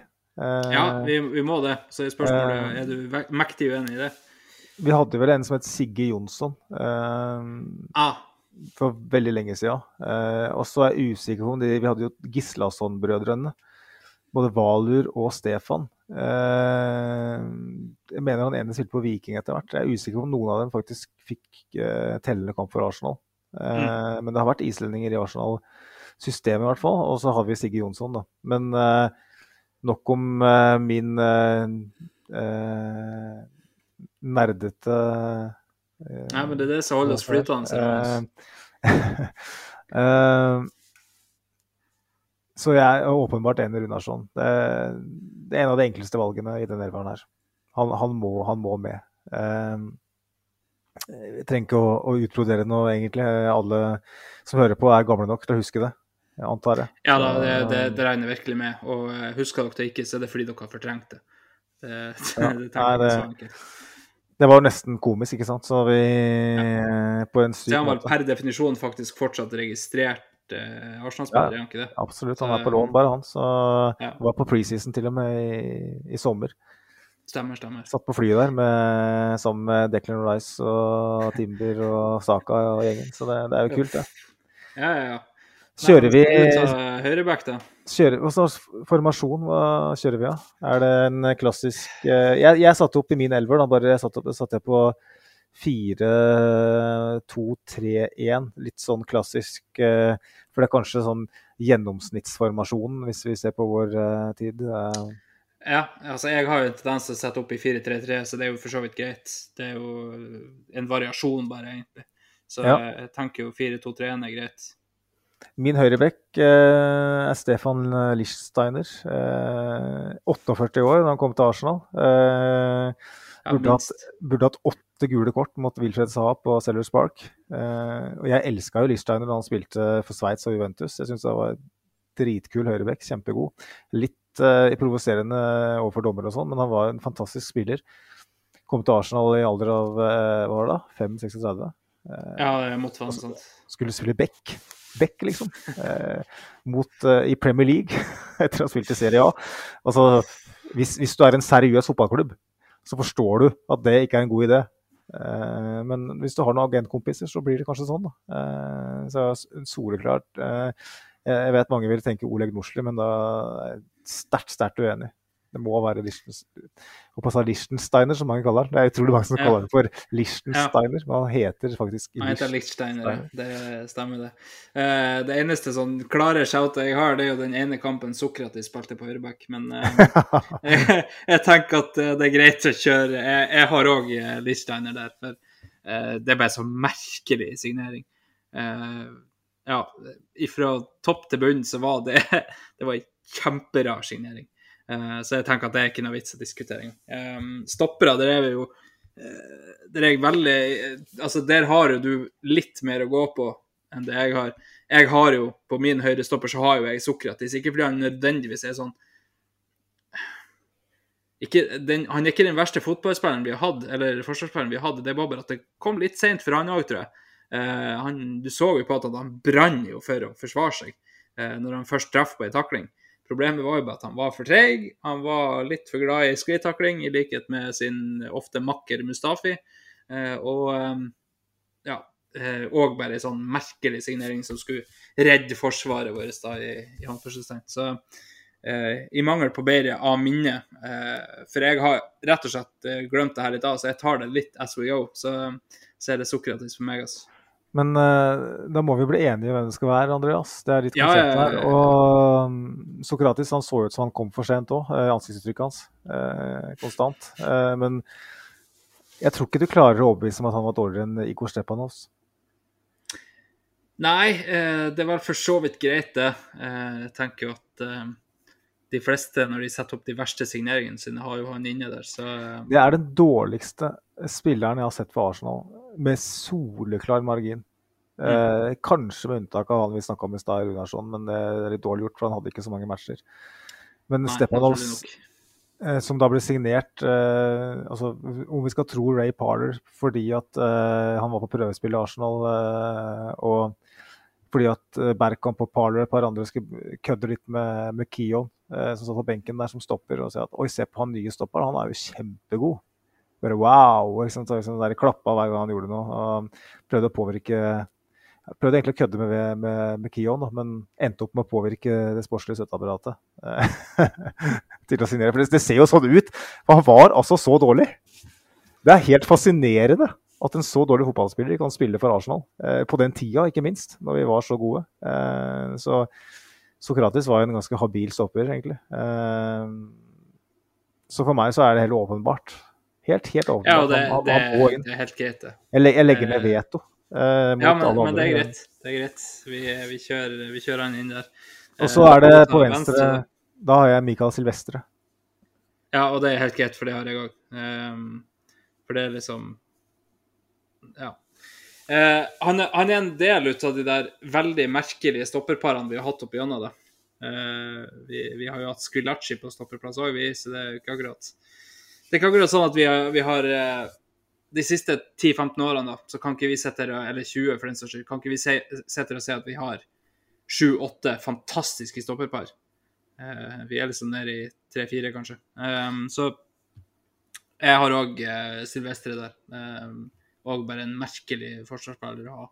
Ja, en merkelig signering, først og fremst. For det var en, Ja, hvis, hvis, hvis Alex Ferguson er villig til å slippe en uh, spiller til Larsen Wenger, så, så burde det ha gått noen uh, alarmklokker uh, overalt. på samme måte som slapp Welbeck. Ja, litt annerledes, syns jeg også. Uh, men ja, det òg. Men Silvestre var vel godt over 30, og Mm. helt utrolig. Når Liverpool prøvde å hente Gabriel Heinze, så klikka det vinkel for Ferguson. Eh, noen år tidligere, var det vel. Eh, så eh, Silvestre Helt utrolig merkelig signering, og beviselig helt forferdelig svak. Eh, Mm. Og på venstrebekken eh, så tro, håper jeg og tror vi er helt enige. OK. Um, nå tar jo jeg det her som sagt veldig ifra, ifra toppen av hodet. Så, så den eneste jeg kom på når jeg skulle sette opp en venstreback, det var Kolasinac. Nei, nei. Eh, så Han da, skal- han da lurer ikke jeg på Han skal Da lurer jeg på hvem du har der. André Santos. Ja, OK. eh, OK, det er greit. Han, han Ja, er det- like åpenbar som eh, Stepanos, jeg tenker meg om. Ja, ja, ja, ja. Nei, det er helt greit. Det er rett og slett bare hodet mitt som ikke går eh, langt nok tilbake når jeg skal hente opp ting. Nei, jeg har jo, jeg har jo forberedt meg til den, akkurat den Ja. delen her av podkasten i dag. Så, men jeg hadde nok satt opp han i blinde, i søvn, uh, hengende opp ned. Uh, André Mm. Santos. Uh, kanskje den mest patetiske spilleren jeg har sett spille for Arsenal. Bytte drakt med van Persie på Old Trafford i pausa. Uh, og det er på en måte Det øyeblikket i seg selv er på en måte Det er dumt nok i seg selv, Mm. men for meg så er det på en måte en bare en bekreftelse på at det er en useriøs person som spiller i den rød og hvite drakta. I en Ja. useriøs, på den tida en litt useriøs fotballklubb. Eh, som ikke virkelig prøver alt man kan for å bli en toppklubb. Mm. Eh, André Santos som altså var like god på markering som eh, altså, Jeg vet ikke om det fins noe parallell engang. Eh, hva skal jeg si, ja. Eh, jeg har noen gode eksempler på folk som er forferdelig dårlige på å markere. Det er sikkert en Tottenham Beck vi kan nevne, men det, det er helt grusomt. Altså, har, du, har du sett en spiller som har sovet så mye på jobb noen gang som André Santos gjorde? Jeg har liksom litt respekt da, for, for Stepanos, for han var rett og slett bare ikke god nok. Mm. Han, og jeg, jeg hadde, hadde jeg fått valget om å ta en kaffekopp med Santos eller Stepanos, så hadde jeg valgt Stepanos åtte dager i uka. Eh, André Santos han ville ikke, ville ikke sitte ved siden av på trikken engang. Sorry, ass. Den fyren der em, Har du sett noe så useriøst noen gang? Beklager. Nei, altså, det er jo um, Ja, eh, som du sier, det er så umelodisk å få seg til å gå og bytte drakt med van Persie eh, etter at eh, hele jævla eh, Arsenal-verden har, har omtrent brent bildet av han, liksom. Midt på banen! Ikke Ja. i spillertunnelen. Ikke- Midt på banen! I, i gangene, liksom. Nei, nei. Her imens kameraene ser på alt. Det er liksom Ja, nei eh, Fantastisk eh, fascinerende, egentlig, eh, å få seg til å gjøre noe sånt. Um, hvis vi skal videre da til de to eh, sentrale, da, Magnus, så skal du få lov å ta um, først her. Her syns jeg det var mye vanskeligere. For jeg syns ikke På sentral midtbane så har vi ikke hatt så mange klovner. Eh, egentlig ingen. Uh, bortsett kanskje fra én, uh, eller klovn for å ta i, men eh, med veldig liten eh, sample size. Og Dennis Suarez, sin første Ja, ja. Det var faktisk den første jeg kom på òg nå. Eh, kom vel skada, og for igjen skada. Fikk vel en par kamper i mellomtida der. Eh, så ja. Nei, det, det var ganske krisesignering. Ja, han var jo ikke i nærheten. Han, jeg, jeg håper for hans, eh, hans del at han var skada, for det, han var veldig veldig langt unna. Eh, Mm. Han fikk eh, nåværende Kai Havers til å se ut som Maradona, liksom, bare for å ta et eksempel på en spiller Oh, yes. som sliter. Eh, Nei, det, det var liksom han som skulle redde midtbanen vår når, når det var veldig tydelig at vi ikke kunne være avhengig av Ramsey. Eh, og så, så kommer det der inn. Nei, det var meget spesielt. Um, har du en annen vi- Eller altså, vi er enige om uh, forsvarsfyreren? Jeg føler at jeg styrer uh, Nei, men det, så- er veldig greit. Uh, både keeper og høyreback kan ikke være noe annet. Uh, Venstreback er det jo rett og slett bare traume som gjør at jeg ikke kommer langt nok bak. Uh, så det, det tenker jeg òg er veldig greit. Um, så vi er enige om forsvarsfireren. Um, Dennis Suárez er klink, og jeg syns som deg at det er veldig vanskelig på, på midten. Um, hvis man kunne ha delt det på en måte i to, så kunne man jo ha sagt liksom uh, siste fase Flamini. Men samtidig, Flamini gjorde ganske mye bra for oss eh, første gang. Men um, jeg, jeg syns det er vanskelig på midten. Altså, jeg har ikke noen sånn soleklare kandidater der. Um, ikke som popper inn direkte, liksom. Uh, Jeffers er vel lenger frem i banen. Eh, Ja, ja, han er spiss. ja, så det er liksom ikke Jeg vet ikke hva man skal Nei, jeg, jeg har et forslag, da. Uh, Ja. Det er litt før din tid, og det er van Bronckhorst. Ja. Uh, vi henta han fra Rangers. Uh, han er kanskje mer, nesten mer flopp enn han er en dårlig spiller, men han var dårlig òg. Ja, ja, ja. Altså, det, han- man skal jo ta det ut ifra det de har gjort i Arsenal-drakta. Kampene hans, eh, kampene hans eh, på sentral midtbane var veldig lite imponerende, så han endte jo opp som venstreback. Mm. Hadde noen ålreite kamper der, men ble jo solgt ganske kjapt til Barcelona. Eh, så jeg syns det er mange som i sånne Jeg har sett eh, jeg har sett mange sette opp sånne elvere og setter inn De Nilsson og sånn, og da ble jeg bare forbanna. For at De Nilsson spilte veldig mange kamper for Arsenal i en periode hvor vi Mm. konstant uh, kvala for Champions League. Eh, han var kanskje ikke den mest eh, eh, ekstravagante midtbanespilleren, men han gjorde en veldig viktig jobb på den tida. Eh, Ja, det nettopp det. Skal du sammenligne han med Casolla, f.eks., så vil han aldri nå opp. Eh, Men gjør en jobb er noe helt annet. Eh, Så det Jeg syns det er feil å sette opp han i en, i en sånn elver.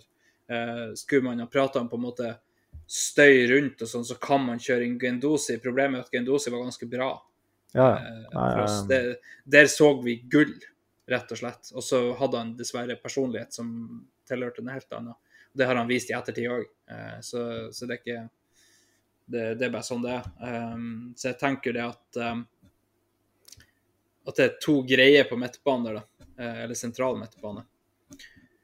Eh, så skal vi jo lenger fram. Om du definerer han som venstreving eller høyreving, det vet jeg ikke, Magnus, men vi kommer ikke utenom å nevne William her. Eh, jeg har bare sett han som venstreving, eh, bare for å gjøre det, egentlig, uten å tenke meg sånn kjempemye om. Eh, så, men han må inn i angrepstrioen vår. ja, han skal inn. Eh, Snakka så mye om han i podkasten at vi trenger ikke å gjenta oss selv. Han, han skal inn. Ja. Eh, Skal vi kjøre en offensiv midtbane, da?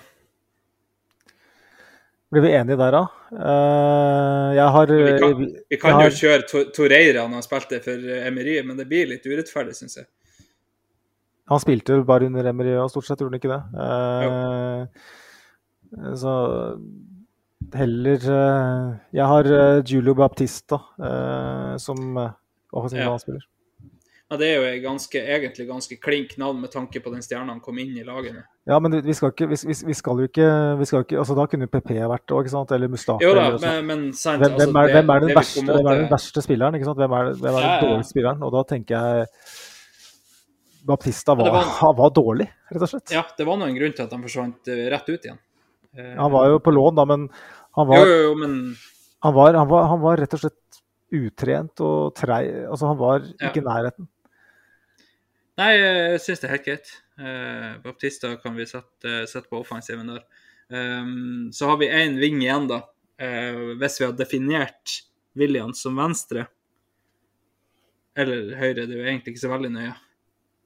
Hvis du har noen gode shouts på én av de, så er det jo for så vidt ikke så nøye hvor vi setter han.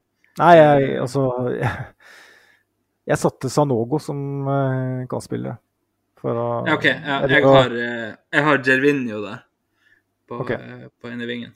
Eh, Skal vi bli enige om For det, jeg syns Gervinho litt eh, Fikk litt urettferdig dårlig stempel. For jeg syns han var ikke så dårlig, liksom. Han bare svikta litt i Darwin-øyeblikkene. Men han Mm. var en veldig god bakgrunnsspiller. Og, Mm. Men uh... Men det er jo litt fordi at jeg på en måte i hodet mitt har definert Sanogo som spiss. da. Eh, At jeg ikke har han på ving. vi kan Eh, godt, vi kan vi godt være litt strenge og så si at uh, fordi at han er prøver å være sånn rollespesifikk. Mm. Så nå føler jeg at jeg har overkjørt deg litt, fordi jeg har så mange navn. Eh, så da kan vi godt kjøre Gervinio på, på vingen. Ja, det, det var bare en som ja, var underwhelming, som du har sagt. Um, det, var, Ja. det var ganske dårlig, rett og slett, mye av det han holdt på med. Um, Da sier vi det. ja, nei, men da er, da er det greit. Um, da er jeg spent på hvem du har Eller det er vel kanskje Jeffers som spiss? Ja, altså, det må jo bli det. Eh, Baptista han var jo Grunnen til at jeg satte han som offensiv midtbanespiller, er at han, han spilte jo litt grann på midten for Arsenal. Bitte, bitte litt. Og han Mm. kom jo Han var jo midtbanespiller i Sevilla, vel, og spilte vel en del midtbane ellers. Eh, sånn at han Han går definitivt uh, inn i den rollen. Uh, og da er Francis Jeffers, som kom for en kjempehøy sum da i 2001, en åpenbar kandidat. For at han var liksom det store, nye engelske spisstalentet, og ingen som har vært så langt unna å levere. Igjen, jeg skal ikke, Mm. Forventninger skal ikke styre det her, men han var jo rett og slett direkte svak. Så Mm. eh, fortjent plass eh, på topp. Ja, og, og der har jeg ikke noen innvendinger, rett og slett. Det, det blir på en måte et av de sjølskrevne navnene da, i, i en sånn elver, tenker jeg. Eh, rett og slett på grunn av at Ja, man kan ikke komme på noen ting han har levert, sånn sett. Um, så da, da tenker jeg det. Um, men skal vi da bare kjapt ramse opp her, da, Magnus? Vi har Runarsson i mål. Uh, vi har uh, Lichtensteiner på høyre back. Um, stopperparet vårt var Der må du uh, bare skyte inn her, for det husker ikke jeg. Nei, det var en iskalde duoen. Uh, Stepanovs og Silvestre. Ja, stemmer. Den eh, meget iskalde duoen. Og så var det um, eh, venstreback Santos. Um, så hadde vi en midtbane med um, Dennis Suárez og Giovanni van Bronckhorst. Eh, Ja. Kruttsterkt. Ja. Så hadde vi William, eh, Baptista og Gervinho bak eh, The Target Man Jeffers. Eh, Francis Jeffers, da. Um, ja, det er jo Det er jo ræva. Det er jo det. Så det, det vi, vi skulle ha slitt med å kvalifisere oss til Champions League med det laget. Det tror jeg selv ikke Wenger i sine glansdager hadde klart. Eh, Så ja, det var, eh, det var, det var ganske ille. Um, Mm. Men da er det hyggelig å gå på noe jeg forventer at vi er litt mer uenige om, kanskje. Ja, for her begynner jo på en måte generasjonsskiftet å komme inn ordentlig. Vi skal over til eh, vår beste elver. Nå starta jeg på keeper sist, så da kan du få lov å starte nå, Magnus. David Seaman.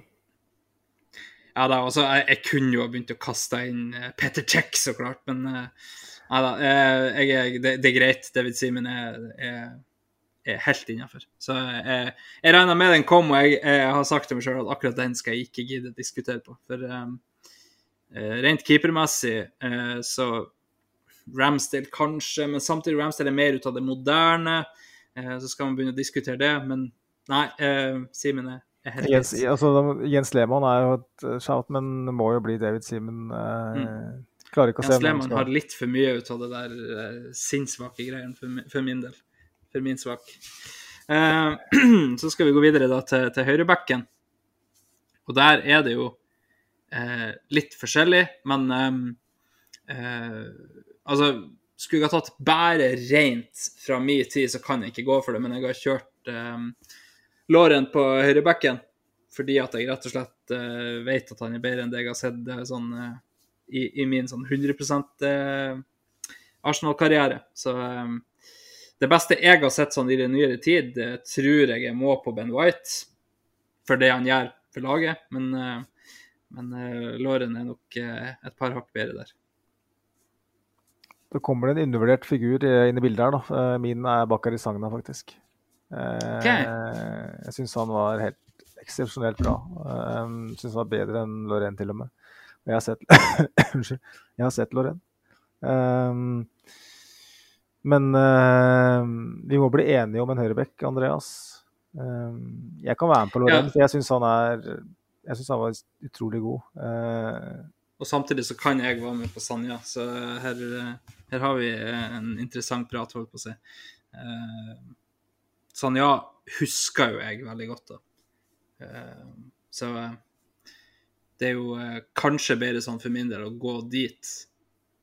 Eh, så da har du fått en eh, eh, Du har fått to, du nå, så nå, eh, ja. nå er det Det er- min, det er- min resten. Det her borger for at Øzil er inne i elveren din. Eh, eh, men ja, jeg vil gjerne ha med Sagna. Eh, venstre back, da. Så skal vi ta den retningen. Så har jeg Ashley Cole.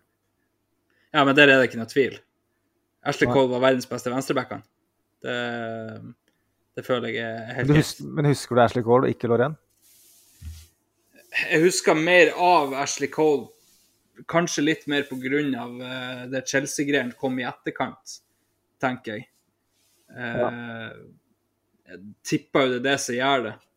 Men eh, i tillegg så har jeg sett mer, på en måte, av Ashley Cole senere. Ja. Eh, jeg har på en måte sett, søkt opp mer klipp ut av det enn det jeg har gjort med Lorraine. Uh, Lorraine har jeg på en måte bare sånn at det, det er klart for meg at han var jævla bra, men jeg kan ikke huske det så godt. Um, eh, Ashley Cole husker jeg, de som da fikk meg til Arsenal-supportere, de, de prata jo om han som verdens beste venstreback, og jeg fikk den oppfatninga og fulgte den og har på en måte hatt den helt siden da. Um, og så er det få, på en måte Fra min tid, hvem skal egentlig konkurrere? Hvis du sier da 2005 og frem, Kieran Gibbs, mm, Nei. Nei, nei, nei. eh, Monreal, Seff nei.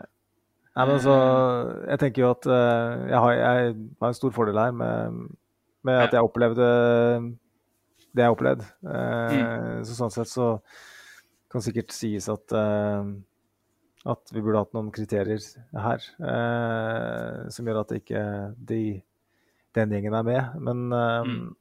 det har vi ikke. Og derfor så er min første stopper er Tony Adams.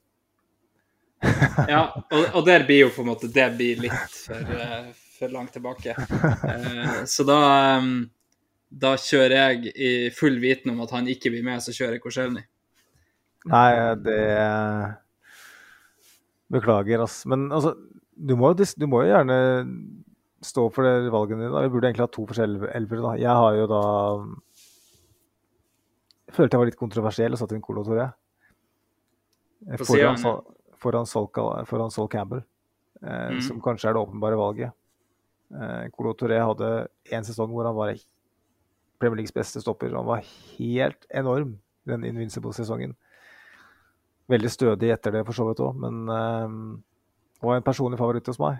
Colo Mm. Og, um, men egentlig så er Sol Campbell bedre, men ja.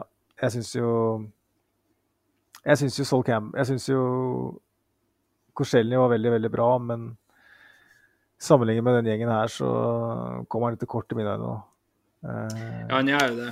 Eh, som makker så kunne man jo ha kjørt altså, Man kunne ha vært sånn skikkelig, skikkelig eh, holdt på å si prematur og kjørt inn Saliba, så klart, men eh, Det blir syns jeg er et mye bedre shout. Ja, ja, ja. Men, eh, men det blir liksom eh, Egentlig Jeg kommer til å prate meg sjøl tilbake til Saliba, for, kjenner jeg. For at jeg husker jo eh, når jeg begynte å spille f.eks. Fifa, i det tatt, Colo Toré var jo på Arsenal, og, um, og det var jo etter hvert eh, i, i Liverpool òg, så eh, Men samtidig, det er ikke noe som jeg på en måte kan sette sånn klare minner til, da. Eh. Colo Touré. Så Det blir jo litt spesiell øvelse der, egentlig. Eh, Ja. Men eh,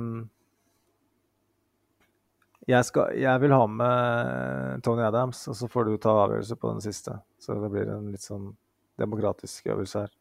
Ja, men eh, da, altså det beste jeg har sett på stoppeplass for Arsenal, er jo Saliba. Altså, Ja. Det er jo det. Så, så da blir det Tony Adams og Saliba. Da blir det en, en av de mest kontroversielle eh, valgene i, eh, for de som er er, eldre. Men sånn blir det. Eh, da har vi kommet til midtbanen, da. Yes. Ehm, jeg har en uh, toer på midten, dypt. Uh, Vieira og Fabregas. Ja. Ehm, det beste av Vieira blir jo på en måte òg på en måte hakket for tidlig. Eh, men Fabregas er, er soleklar for meg. Eh, det var en stor favoritt i, i mange år. Eh, han var grunnen til, til at jeg så på Spania i, i EM og VM. Det, og, og sprang rundt som, som en gærning når Iniesta skåra vinnermålet. Um, så uh, Fabregas er sjølskreven for meg. Uh, han skal inn, så der er vi helt enige. Um, og så ikke så veldig dyp, da han jeg har på sida, men det er Casolla. Um, så um, det blir to litt kanskje for offensive på, på min dype, men uh, jeg skjønner jo at Casolla må vike for Vieira. Ja, jeg mener jo det, da. Eh, Og det, det er helt innafor.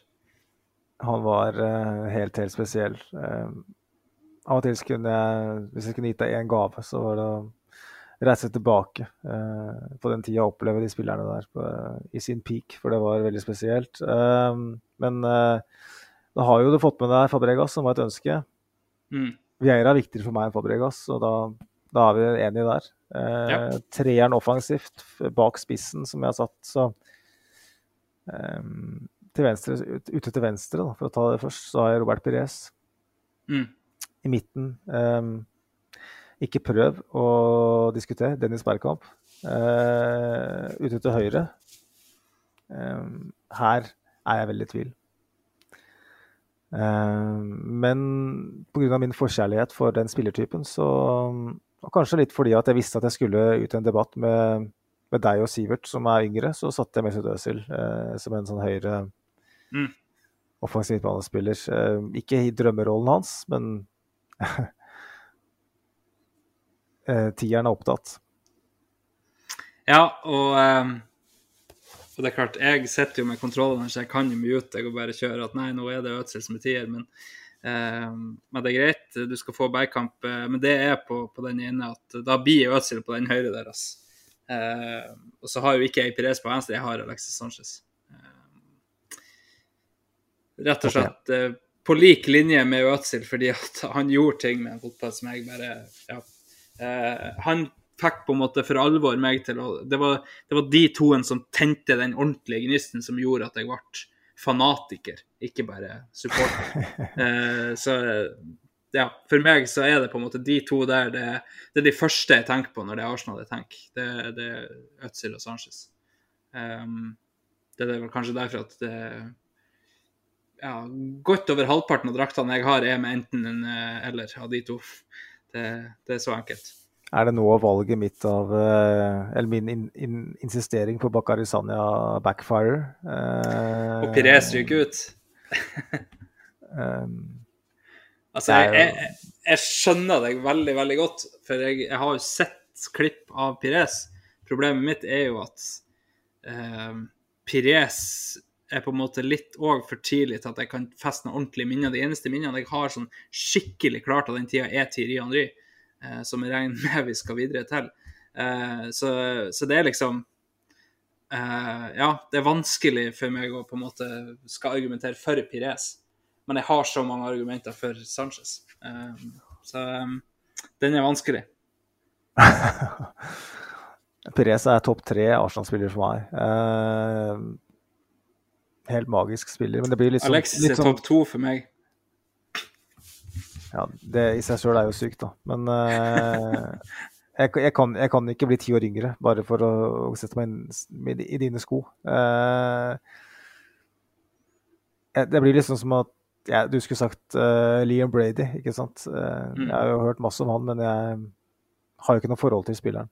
Eh, Annet enn det jeg har sett. Og åpenbart at han har vært i klubben i forskjellige roller som gjør at man på en måte har en, res, en viss respekt for fyren og sånn, men jeg kan jo ikke sette han foran Pires, selv om sikkert mange andre ville gjort det. Så jeg forstår din greie. Vi burde egentlig ha to Jeg har tatt en elver hver her, Andreas, men det, det var ikke utgangspunktet, så da må vi Da må vi bestemme oss. Eh, det her blir på en måte 90-tallsgenerasjonen mot 2000-tallets generasjon. Eh, hvor 90-tallsgenerasjonen kan si at vi har jo faktisk vunnet noen trofeer og sånn. Eh, Ja, det, det, det er litt mindre å slå i bordet med de der eh, usle FA-cupene som jeg har. Men eh, du skal få du skal få eh, Alexis. Jeg sa det før vi begynte den øvelsen her, at eh, så lenge dere ikke prøver å ta fra meg Bergkamp, og det ingen hadde gjort heller. Ingen oppegående, mentalt, friske, det- det er mennesker ville prøvd å sette Bergkamp utenfor en elver. Eh, Men OK. Eh, Ja, På topp da er så er vi det én eh, mann igjen. det er vel det vi er mest enige i, antar jeg kanskje. Ja da, det, det er Niklas Bentner. Shamak. Eh, nei, men det må jo bli eh, Oh, Shamak. Eh, Shamak My Bitch Up, som de sang. Det bandet på eh, på Gunners pub, for de som husker det. Eh, nei, da er det vel eh, Gud, det aller. Gud, aller, Gud er allerede i elveren. Da må vi ha kongen foran. Eh, Mm. Så Gud kan eh, servere sine formaninger til han. Eh, Yes. Og han er, eh, ja, det er, det er, det er poetisk. Thierry Henry. Eh, legende He may be cast in bronze, but he, he's still capable of producing golden moments. Oh yes. Eh, Eh, fint oppsummert. det, det er så enkelt. Det er grunnen til at jeg sitter her i dag. Jeg så en Henry trikse seg over banen mot Liverpool. Det var nok. Det Ja. Så enkelt var det bare. Så, Det var, det, var, det, var, det var ikke et overvurdert uh, mål. Uh, Nei, det, det var det absolutt ikke. Sidestepping one, si- sidestepping two. Når Carriger ligger igjen på, på matta der og, og setter den inn, da uh, det, var rett og slett bare den, den eneste tanken i hodet mitt bare Hva i huleste det her? Det her er jo ikke fotball sånn som jeg har sett. Her, er- det er i hvert fall ikke fotball sånn som jeg er vant til å spille. der alle, alle sju springer etter ballen, og keeperne er med. Det var rett og slett så enkelt. Sånn vil jeg spille fotball hvis jeg skal spille. Det, da, var, da var kjærligheten tent. Eh, Mamma hadde kjøpt meg United-drakt før det. Den eh, vet ikke jeg hvor er. den. Eh, Den ligger antageligvis gjemt innerst inne i kroken på loftet. Etter det var det kun Tiri Henry som Det gjaldt. var, det var ikke brent en drakta, altså. Nei, men det, er, det er notert. Uh... elveren vår, da. forsvant jeg plutselig ut av, av podkasten bare for at jeg ikke har brent den drakta. Ja, jeg har jo brent eh, Nei, jeg skal ikke snakke om det. Eh, vi har altså da en elver bestående av Simen, Sagna, eh, Adams eh, Hvem var hvem Saliba. Saliba, ja. Eh, Cole, Vieira, Fabregas, Øzil, Bergkamp. Og den største skandalen, Alexis Sanchez eh, og Thierry Henry. Eh, Ja, ja, ja. Det Det vært jævla gøy å hatt med Sivert på det her. Eh, vi vet jo at han liker å være uenig med meg. Eh, så, så det har vært veldig gøy å se eh, hvordan han la seg i, i denne debatten. Han hadde prøvd, han, han hadde prøvd å skvise ut Bergkamp for å, å provosere meg med en Robin van Persie. Ja, det, det er jeg helt sikker på. Eh, Ja, han- og så har han han sånn. aldri i livet godtatt Vieira og Fabregas. Han har jo kjørt inn i Neni. Ja. ja.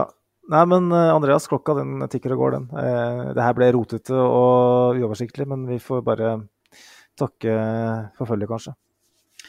Vi får gjøre det. Eh, vi lova jo egentlig i eh, diverse sosiale medier at vi skulle se fram mot Chelsea. Det er det rett og slett ikke tid til. Da, da, blir det morgenen før vi er ferdig. Um, så annet enn lykke til imot Chelsea på lørdag, så, så tror ikke jeg vi skal si så veldig mye om akkurat det. Um, prøvde meg på noe ASMR-greier sist. Uh, det tror vi ikke vi skal prøve oss på igjen. For det svaret ditt, Magnus, det, det var uh, Ja, det, det gikk ganske mange hakk over mitt, så, så, da tror jeg ikke vi tør å prøve på det. Så um, fortsett med å kjøre inn innspill til oss på sosiale medier, for vi setter veldig veldig pris på det. Um, og følg oss der hvis dere ikke gjør det, så klart. Um, lykke til på lørdag. Ifra meg så skal vi som alltid ha et uh, Vi hørs. Og uh, Magnus? Er det, er det.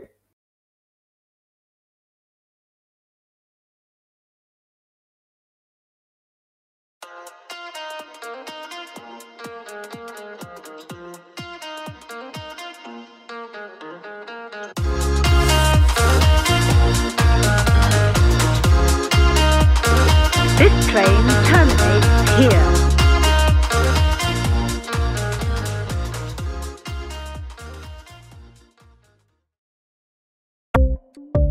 Ukens annonsør er HelloFresh. HelloFresh er verdens ledende matkasseleverandør og kan være redningen i en travel hverdag. Mange av oss har nok vandret i butikken både sultne og uten en plan for middagen, som ender med at vi går for de samme kjedelige rettene gang på gang. Middag burde være dagens høydepunkt. Som Hello Fresh kan du nå velge mellom 25 ulike retter hver eneste uke, eller få Hello Fresh til å sette sammen menyen for deg. Dette gir deg muligheten til å prøve nye og spennende retter alene eller sammen med familien. Du velger antall porsjoner og får alt levert på døren på et tidspunkt som passer for deg. Oppskriftene er enkle, og maten er lett å lage både for store og for små. Ved å få alt levert hjem får du også mer tid til å dele matgleden med familie og venner. Kanskje det frister med asiatiske tacos eller greskinspirert kylling? Da kan jeg anbefale deg om å gå inn på hellofresh.no. Her kan du bruke koden FOTBALL og få opptil 1779 kroner i rabatt på de første fem matkastene hvis du ikke har prøvd HelloFresh tidligere. Du kan også bruke rabatten hvis du har vært kunde og stoppet abonnementet ditt for tolv måneder siden eller lengre. Gå inn på hellofresh.no og bruk koden FOTBALL. Har du et enkeltpersonforetak eller en liten bedrift? Da er du sikkert lei av å høre meg snakke om hvor enkelt det er med kvitteringer og bilag i fiken, så vi eh, gir oss her, vi. Fordi vi liker enkelt. Fiken superenkelt regnskap.